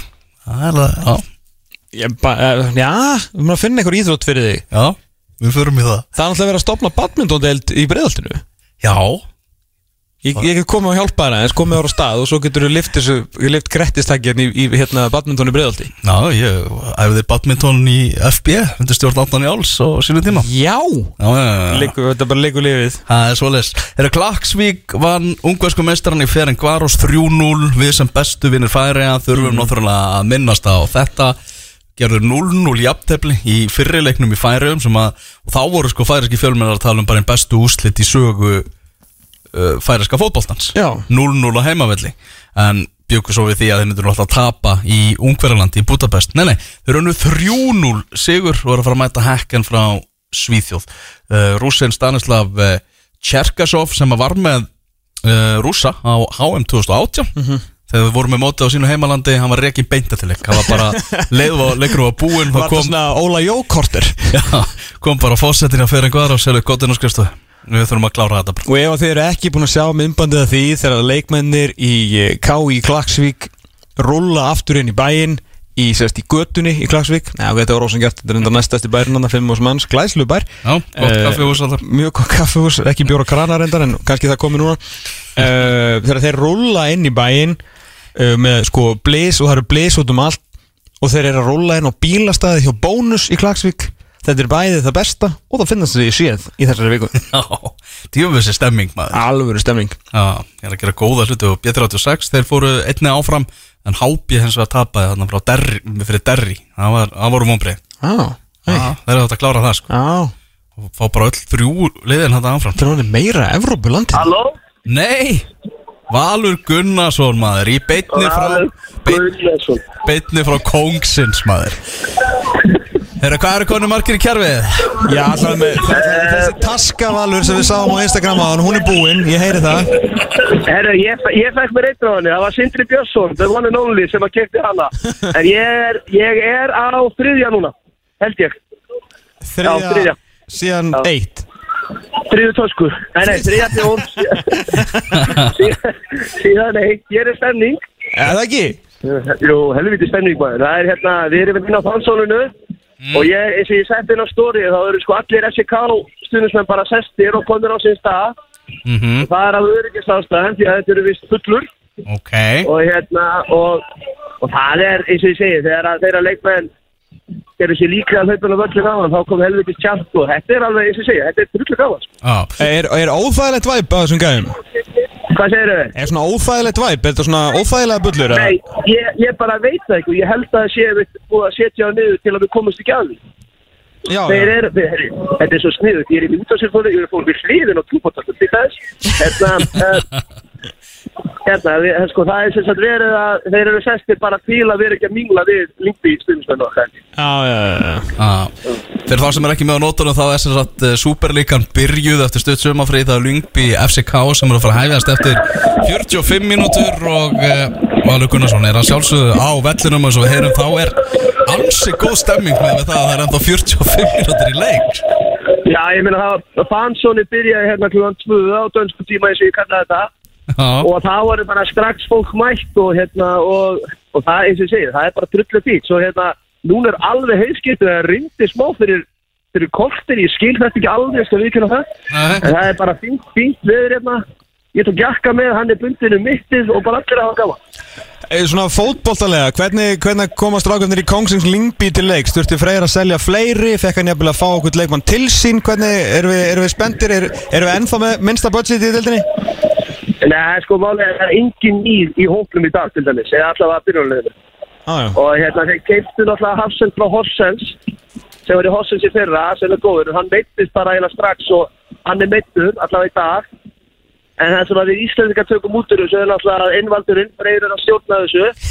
Og svo eru hérna allir þrý Íslandingar í byrjónleginu þannig að það verður skemmilegt ok, allir þrýra að byrja. Djóðs er og ég hérna, af því að ég með þetta ég, ykkur um þetta vegna fór í þessa instastóri á Já, og það er bara meira en að segja að gera skemmtilega instastóri bæðaveg Þannig að það var heldur um þessi sniður en það er bara erfitt á svona miðlum.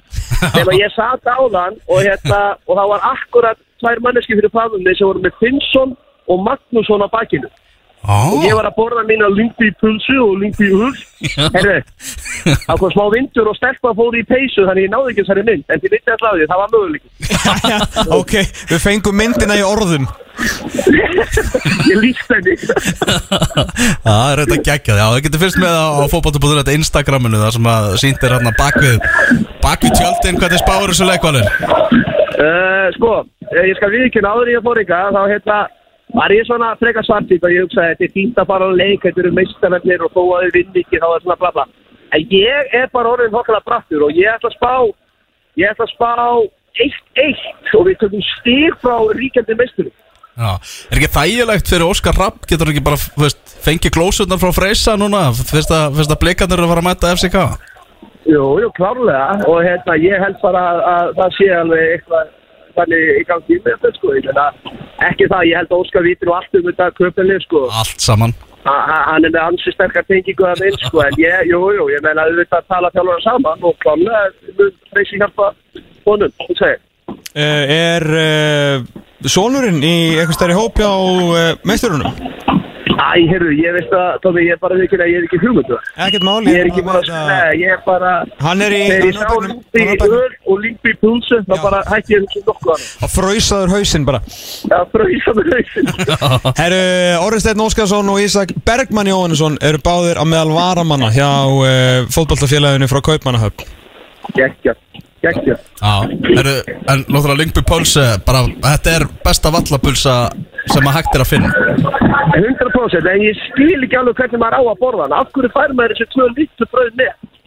Ég bara, ég borða alltaf pulsuna og svo borða ég brauð eftir en ég, ég sammálaður, hún er einstaklega góð. Já, ég, ég nota sömu aðferð Bara, það þarf ekkert brauð með þessari pulsu hún er bara svo geggjuð einn og sér sko. og ég vil, og ég, er- ég er eiginlega ekki að djóka núna en af hverju er ekki Æsland er vita eða eitthvað að skipulegja ferra á Lingby stage þú veist, við erum með annarkvæmt mann í liðinu, Íslandíkur að þjálfa. Þetta er geggjaðu völlum við líðum svolítið sem við séum á leiknisvöllunum skilju hvað meina, þetta er bara lítla stúkur og nöður aftur og þetta. Og þetta er ógæslega skemmtilegt. Þetta er geggjað. Mínum mönnum í Æsland er til varnar þá eru þeir að fljúa til Kaupmannahafnar og þú veist það er hægt að kaupa ég er að miða tala um að skipulegja pakkaferð Tómas. Já, þú sem var farastjóri ég veit það ekki en, en, en, en ég veit ekki hversu skemmtilegt það væri með því Íslandstórið en, en það var alltaf hægt að gera eitthvað við byrjum á það að heimavöldu Lyngby klúpsins á Íslandi er að sjálfsögðu Ölver í, í Glæsibæ Já. og, það, og, og þar er verður leikurinn síndur á eftir, hann er síndur á stöðu 6 í, í Danmörku og það verður að sjálfsögðu Já. var, varpað upp hann á, á Ölveri sko. Já, sorry, en tala um það, auðvitað að sína danska boltan heima líka, herru, ég bara, ég minnir þessi sjónu fulli frændin í ykkur jólabóði, auðvitað að sína da, danska boltan líka heima þegar við eigum ma manni í sko. Það er alveg svolítið svona þjóðasálin Það er sönning. Þetta er geggjað sko. Heyrðu, Ég byrði að heilsa Sindra Björnsinni og við segjum bara áfram Lyngby. Herru, áfram lífi. Ekki að dörru við segjum, heyrumst valur Já, Valur Gunnarsson í betni frá Kongsins Það var superlíkan farin á stað. Skemmtileg, skemmtileg dild Herðu, á varamannabekk uh, uh, hérna FCK er uh, leikmaður sem heitir Emil Haulund en hann er bróður Rasmusar. Rasmusar Haulund Já, sem að gæti verið orðinleikmaður Manchester United fyrir mánaðar lók en þess múti gaman sketa að uh, hann á annan bróður nei, ég held þessu tvíburar. Já, Emil og Óskar Haulund tvíburabræður í FCK Já, það? Annar komin í leikmannópin Þetta er alveg fjölskylda. Þetta er alveg skilda þetta er svona skagavæps áhugavert, þetta er sem maður ekki Erum við ætlum að uh, taka okkur hlýja hér í útásættinu fótbolti.net Svo ætlum við að uh, voru ræða um bara, voru nú bara 80 mínútur á samfættublæri Já, ætlum að fara í nýjustu og skemmtilegustu byggarkjapni heimsins. Fótbolti.net byggarinn eftir smástund. Exit 977 og þú hlusta. Þú ert að hlusta á fótbolti.net á Exinu 977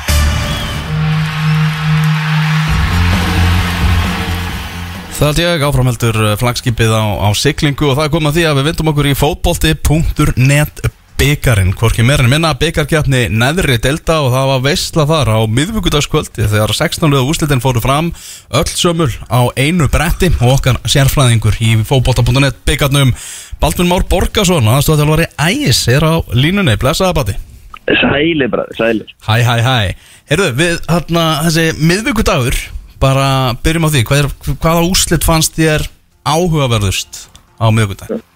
uh, svona kom með smá óvart hvað KFA virtist fara að leta í gegnum nákvæmlega sína þarna höfðuginn Já svo er náttúrulega í rauninu óvart að KFK vinni með er kannski svona eina köpsettið í, í, í þessar umfyrðu ef, svo má segja Já, það var nóga köpsetti í sko 32 lögúslitunum aðeins minna því núna í 16. Já, veist, það er svona þessi sterkar lið voru að vinna sína leiki og, og mér fannst líka mér fannst líka kannski flest liðin vera að minna rótira liðinu sínu og kannski gefa færi sjensa heldur en í, í innumferðinni Já Það er svona, eru fannin að næ, fálk, uh, nálgast uh, lögadagsvöld meira og meira. Eins og segir Já. KFA tekur hött huginn og bara rúlar yfir það í grannarslag 3-0 Já, þeir bara kláru leikin á einhverjum 8 minnuna kapla þarna í, í fyriráleik sko og, og hérna ég held að eftir það hafði mér nú verið kannski bara frekar, frekar búið þannig fyrir, fyrir hérna eilsta að búa og, og setjringa Já Þannig að KFA er ansið svona líklegir til afreika í þessum byggar og förum í dráttinni áttalega úrslit á, á, á, á eftir. En ég fór á Selfoss fór og Já, sáleik Árborgar og Íhá já, og úr var hörku byggarleikur mjög svo kaplaskiptur leikur. Vægt sér til orðatekið. Bara eitt mark sem að skora var og það var djúft í framlengingunni. Alli Rappkjelsson sem að eh, skoraði það. Uh, þetta er fyrirgjöf frá Garðaringa Leifsinni mhm. Og það mark réði úslitum í, í þessum leik en árborgamenn skiljanlega svektir þeir áttu sko fengu slatta af færum, fengu dauðafæri áttu sláarskot, áttu stangarskot og allan pakkan, það er góðu kýra á þessu árborgalið Já, þetta Árborgarlið er alveg þrjusu, gott lið sko og þeir náttúrulega ætla sér að fara upp í þessa þriðdeild og eru klálega með, með litið þess og, og voru þarna að spila við þriðdeildalið og, og eins og ég las út úr þessu frá þeir að þá voru þeir í rauninu bara klöfar að að komast ekki yfir í leiknum. Já, þeir voru það uh, ánað með umgjörðina já, þeim líka, það voru hérna uh, ungi strákar, kalla sér nammibræður sem voru með hérna kandifloss Já, og Árborg var bara að bjóða gestum og gangandi upp á, upp á kandifloss já þetta er, þetta er, ég þekki nú aðeins til að ná sem það segja, þetta er algjör snillingar sem standa þessu félagi og, og þeir kunna mynda eins og segir góða, góða stemmingu og þeir bara ætluðu sér að gera gott úr, úr þeirri nýjustu og, og bestu byggakeppni heims myndi ég segja. og það kom náttúrulega tí, tíðandi frá Árbóksan í gær þeir eru að fá leikmann frá þér.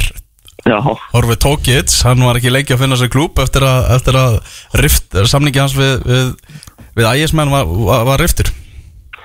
Já, það, það var svo sem í rauninni vitað allavega á okkar megin að hann myndi enda þarna, hann var í rauninni að leiðin þangað áður með við tökum hann í vettur Já, og, og svo bara vildu báðir aðilar slíta samstarfinu og, og við göngum frá því og þá var alltaf vitað að hann var leiðin þangað þannig að það er bara vonandi að hann nýtist þeim vel og hann er gangið vel hana já, og bara Árborg með pening til að, að meina, Tókits spilar ekki frí Nei, hann hefur, eins og bara get haft eftir hún eins og hann sagði við mig, hann hefur alltaf verið atvinnumadur eða, eða professional eins og hann sagði og, og, spilar fyrir í rauninni peninga, en ég veit ekki hvort búin sé eitthvað að borgunum eða, eða hvernig það er en, en hann hefur allavega aldrei áður spilað fritt, segir hann, hefur, eða sagði hann við mig sko.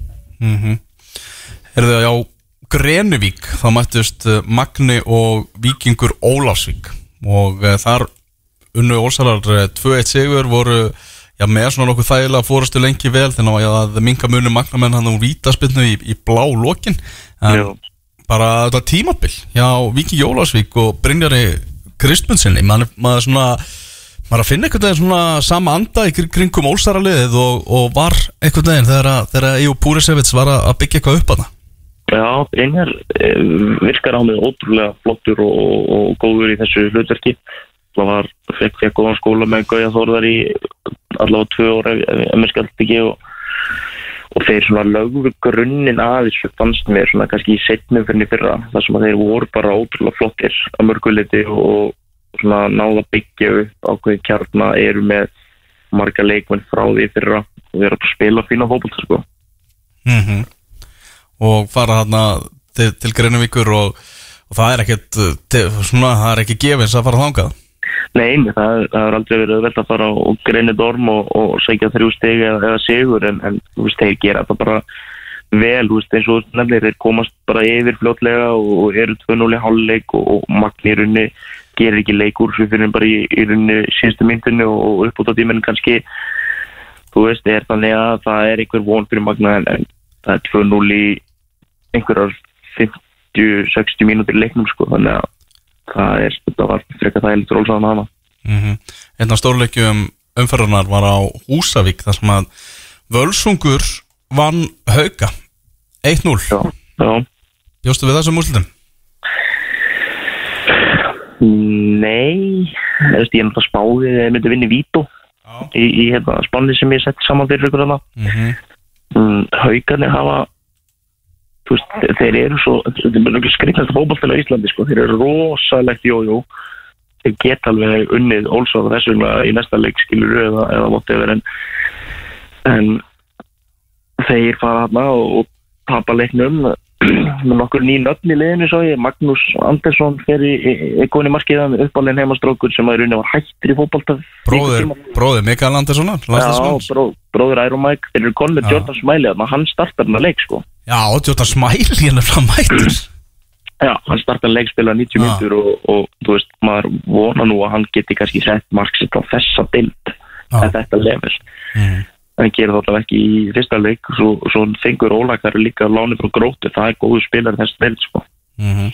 en, en Tímabilið hinga til bara mikil vonbreið fyrir Nefnir að þessi klúpur vill ekki vera í neðri hlutanum í, í annar nei, þetta er bara rótgróin lengi delta klubur þannig séð.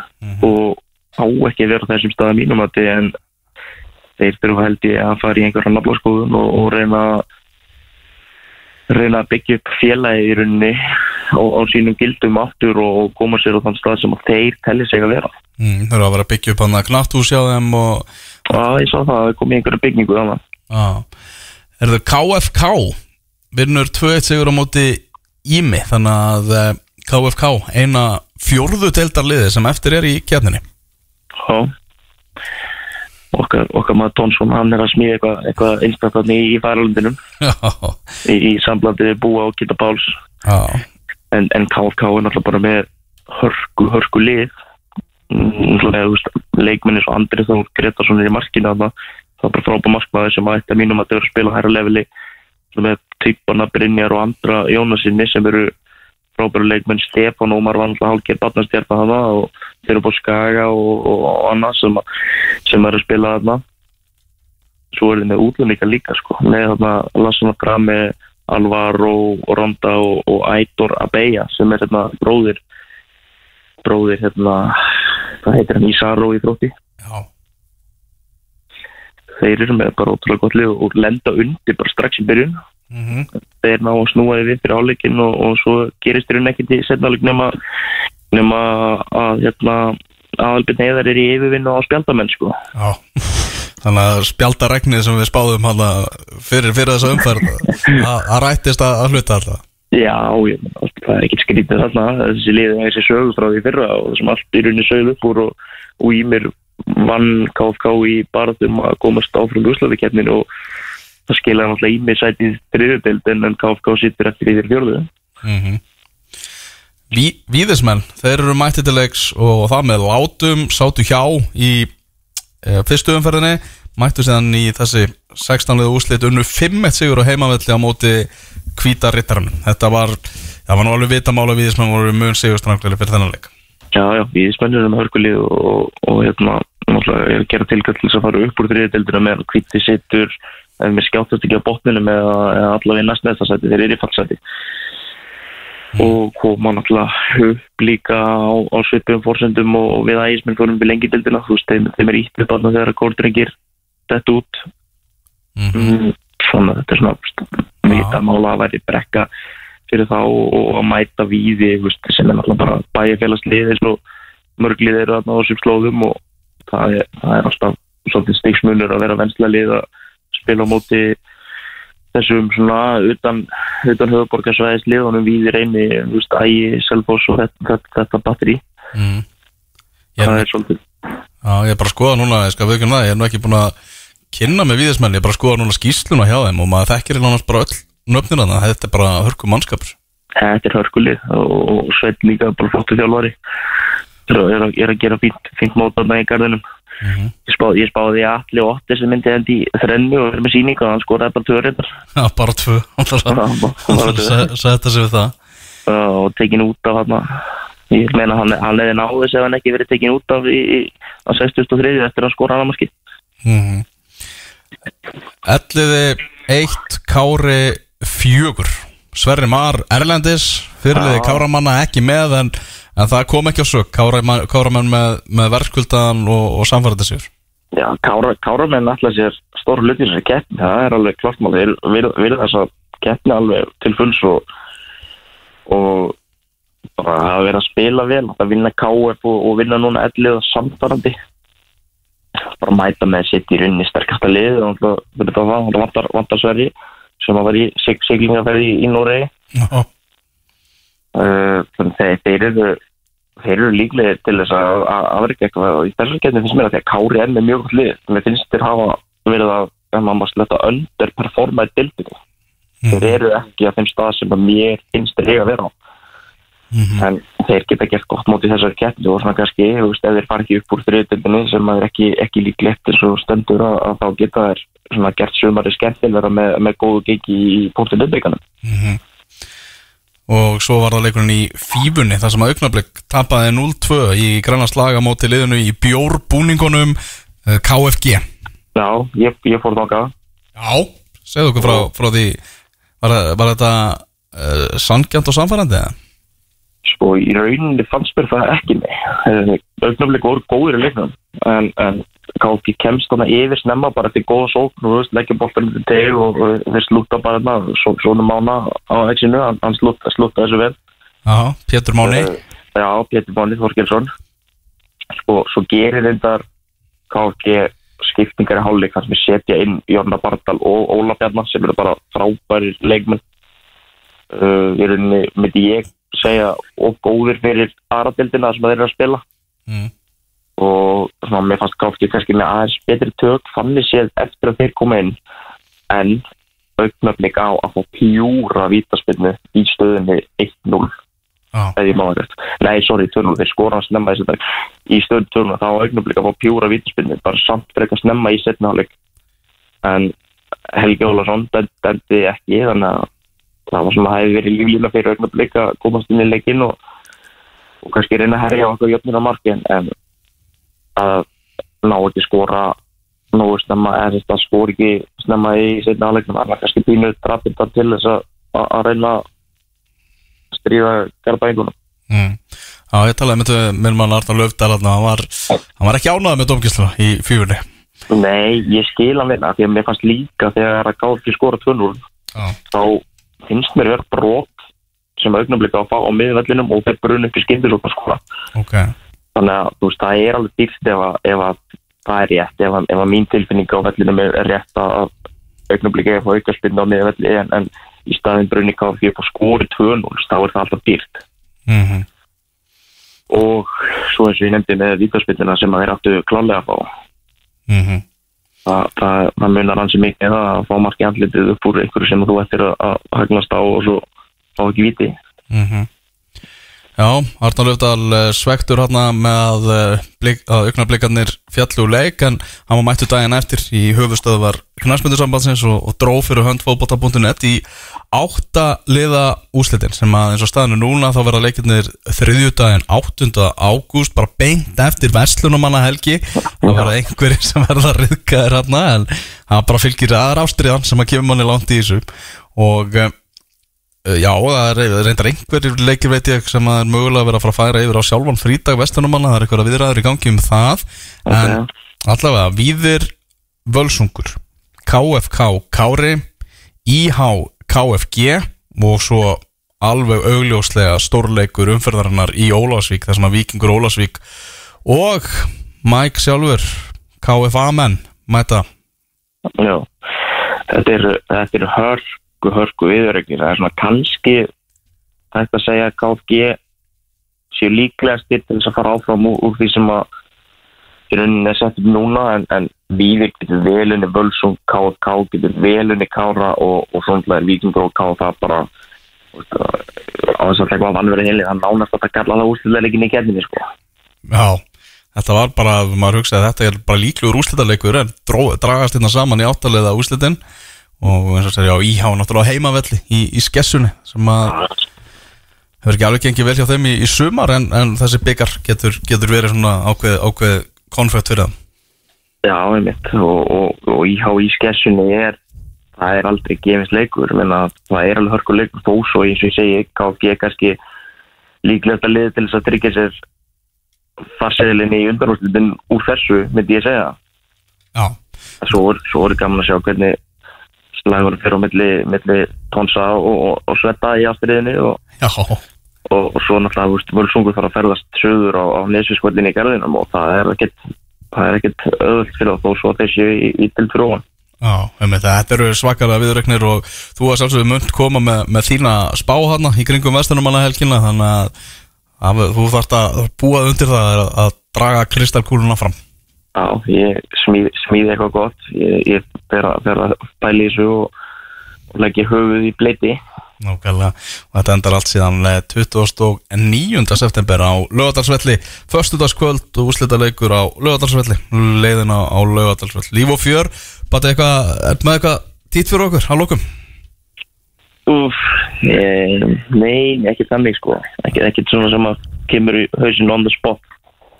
Ah, Þeir mættu fjölninsmönnum í gýri gæri Já, við, við mættum hérna þessu liði sem er topp 10 lið á Íslandi eins og Úlfur sagði í fyrstu umferð. Já, það, það var mætt þetta, ekki þér að þeir mætti, þeir mætti gær sko. mér fannst þeir ekki vera það í fyrirleiknum sko. en þeir voru klálega til staðar þarna djúið voru góðir maður, þetta var óþólandi sko. Það er svona, það er svona Erum bara bara takk hjálpa fyrir þetta, Amanda Já, við það valið Er það formulega búið að setja Kylian Mbappe á, á sölulista ekki með PSG í æfingarferð til, til Asju Þannig að hann er bara skildur öttir heima. Já, þetta er árið eitthvað skrítið með hann kall. Það er rosalega erfitt að hafa þennan svakalega góða fótballtamann í, í liðinu sinu Það er, það er eins og að vita bara ekkert hvað hann vill. Hérna, ég er að senda þér hérna Þú vart að spila þetta fyrir fólkið. Já, ég get vonandi gert það. Það sendur mér það í gegnum eh, fjesbókina jafnvel. Snjaldurskínuna Já, þá þurfum við nú að skrá okkur þar inn. Nú varstu, ég held að vera bara með Twitterin opinn Já, Nó, ok Það var þetta kannski aðeins meira mál. Nei. Eh, að Það nefnilega var sko Já, já, Mbappi, hann er eitthvað Ég veit ekki um hann. Hérna, en það var rosa viðbyrður í nótt. Ok, uh, Þegar að uh, Geitin myndi aðeins á sig Jarmaði svo litið á bandarískri grundu. Já. Tók loksins státt í fótbolltaleik fyrir Internationality Klubfútból de Miami. Eru hvað keppn er þetta? Herðu, þetta er ekki League Cup heldur er þetta Leagues Cup.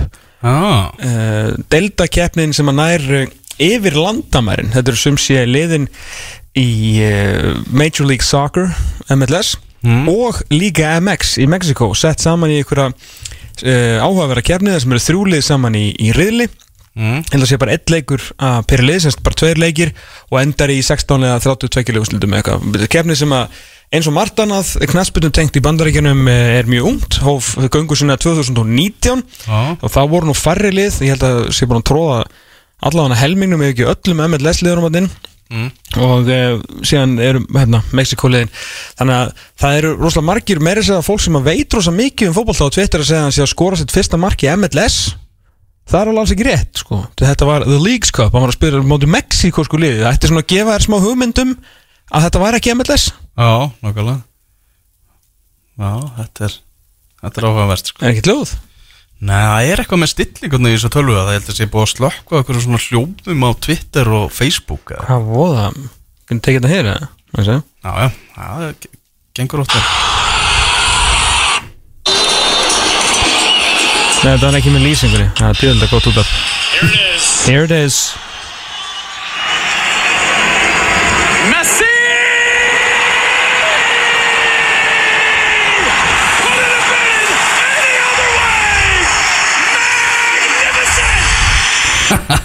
have been any other way? Magnificent!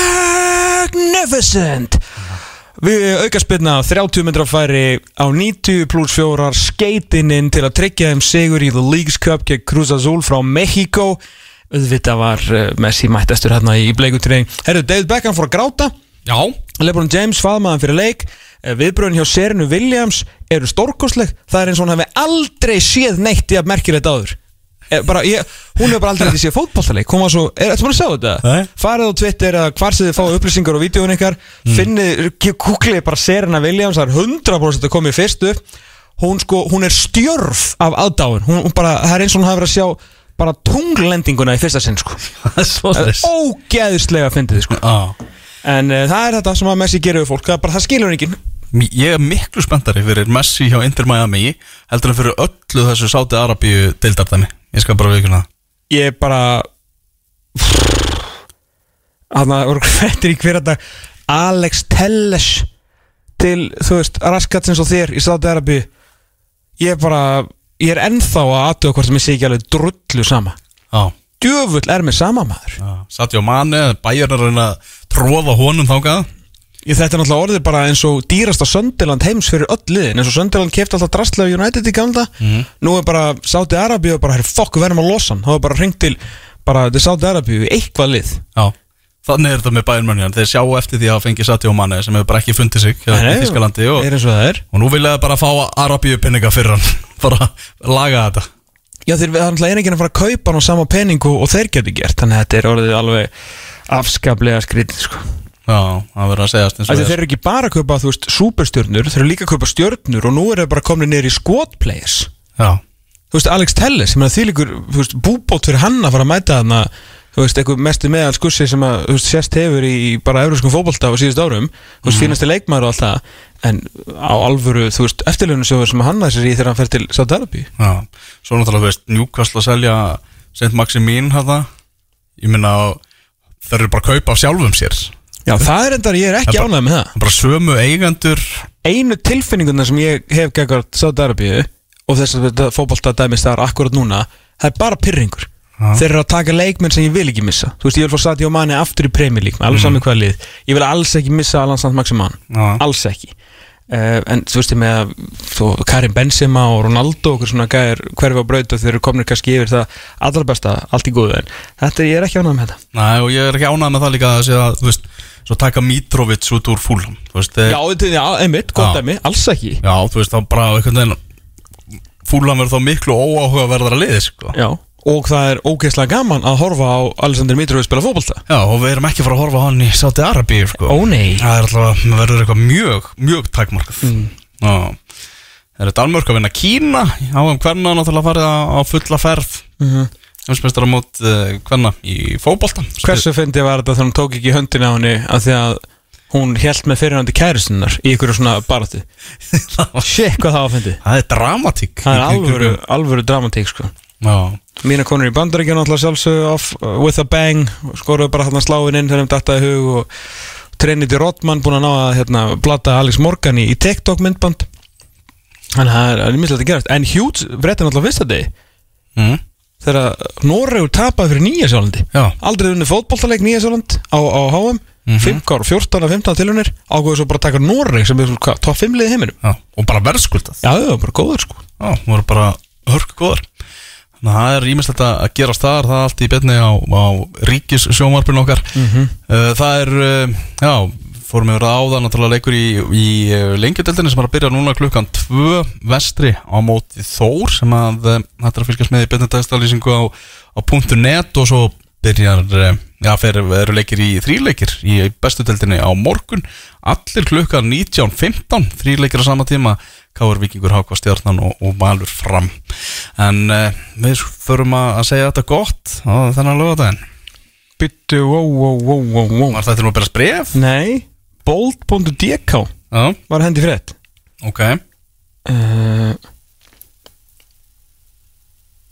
ja, Freyr Alexandersson öppnar för att uh, det kan vara en möjlighet för att Gilvi Sigursson kan vara på väg till Lingby bollklubb säger Já, Uh, et kæmpe navn kan måske komme til at nu i det Lyngby-trøje denne Superliga-season. Gilve Sigurdsson har nemlig været rigtig uh, til Lyngby. Han har nemlig været rigtig til Lyngby World Cup, og inden opgået med FCK åbnede cheftræner Ja, cheftræner Frederik Allesson op og mulig tilgange til Discovery Plus. Uh, helt ærligt forventer jeg, jeg kender en kending, jeg kender vores budget og de spillere, jeg vil have det uh, koste mange penge, uh, koster mig, hvis noget hent jeg skal være det med, at angribe mest spille, men tror ikke, det kommer til at ske. Vi Gilvi Sigurdsson vil spille fodbold for Lingve Boldklub, øh, vil det være helt vildt. Gilvi Sigurdsson er det bedste fodboldspiller, jeg nogensinde har været omkring. Okay. Vi kender hinanden rigtig godt. Han er bare taler om han i vedtale, sko. Det er måske en chance, fordi vi kender hinanden, øh, og på grund af vores relation, kan det måske ske. Øh, getur verið að það fari svo að út af kynnum okkar, segir Freyr Alessandursson. Já, Þetta var ekki bara bolt.dk að að búa okkur til, hann var í viðtali við þetta við, við fyrir leik á hann. Já, og hann eh, lokar ekki hurðina á, á Gilva Nei. Nei, maður Gilvi er að glíma við eitthvað meðsli, byrja að æfa þetta með val meittist eitthvað á hæl og ég held að sé ennþá eitthvað svona jafna sig á því þannig að það hefur kannski svona aðeins hægt á, á ferlinu varðan, varðandi Gilva en, en hann er samt að æfa sérst, niður í val, er vantilega að nýta þar eh, lóð og tæki og vantilega einhvers konar sjúkulega þjónustum þannig að hann er í val, það veit allir af því. Það þarf ekki að senda þetta í hvert einasta skipti sem að sést fararnir út. Já. en hérna, en og gæti svo sem alveg sami við val en Lingby Gilvi Sigursson Já, Akkur tók ekki, ég veit að Freyr átti ekki möguleika en það hefði nú verið fínt að fá Kristall já, Mána, en hann svo sem átti ekki sens hann var bara sendur sem skiptimynd já, það er þannig. En já, en þá þessi saga um Gilva mögulega til Al-Arabi að þá myndi að taka millistökk í val og áður hann færi út síðan. Já, eh, við þurfum bara að fara að fá hann af völlum því að það eru landsleikir í september sko. Já, hann þarf að jafna sig. Einu róli þarf að lækna hann Já. Og hann þarf að Maðurinn sem að er búin að lækna Haug Pál í áratug ætti nú að geta gert eitthvað uh, merkilegt við hérna uh, við hann okkar besta Gilva Sigursson sko. Töframæður já, okkar besta landslismann frá upphafi. Já Þetta er betur Herru, er þetta ekki ágætt í dag? eða? Það voru mjög fínt í dag Já, ljómandi fint. Fórum við bestu, fórum við lengjun, fórum við við Evróp, fórum við Messi, heyrðum við í Bata Borgar sem .net byggarinn. Risaslagur þar, tvö bestu liðin í keppninni, samkvæmt deltaskiptingu. Kan við fá Fingur Ólasvík mætast í áttaliða úrslitunum. Sigur verið þar, líkluð til afreika í fótbolti.net. Byggarnum heyrðu svo líka í Val Gunnarssoni sem er í Kongsins Lingby á leiknum. Minnum á það, á Lingby klúbur úr Íslandi hittist á Ölver, leikurinn klukkan Tvö Eftir tvær mínútur verður flautað til leiks. Uh, Við verum hér aftur held ég meiri segja báður annar aðhelgin í röðun nema eitthvað Vá. ósóttulega gerist. Það ætti að vera svona eftir um 6 dag og 22 tíma. Þangað til, verið sæl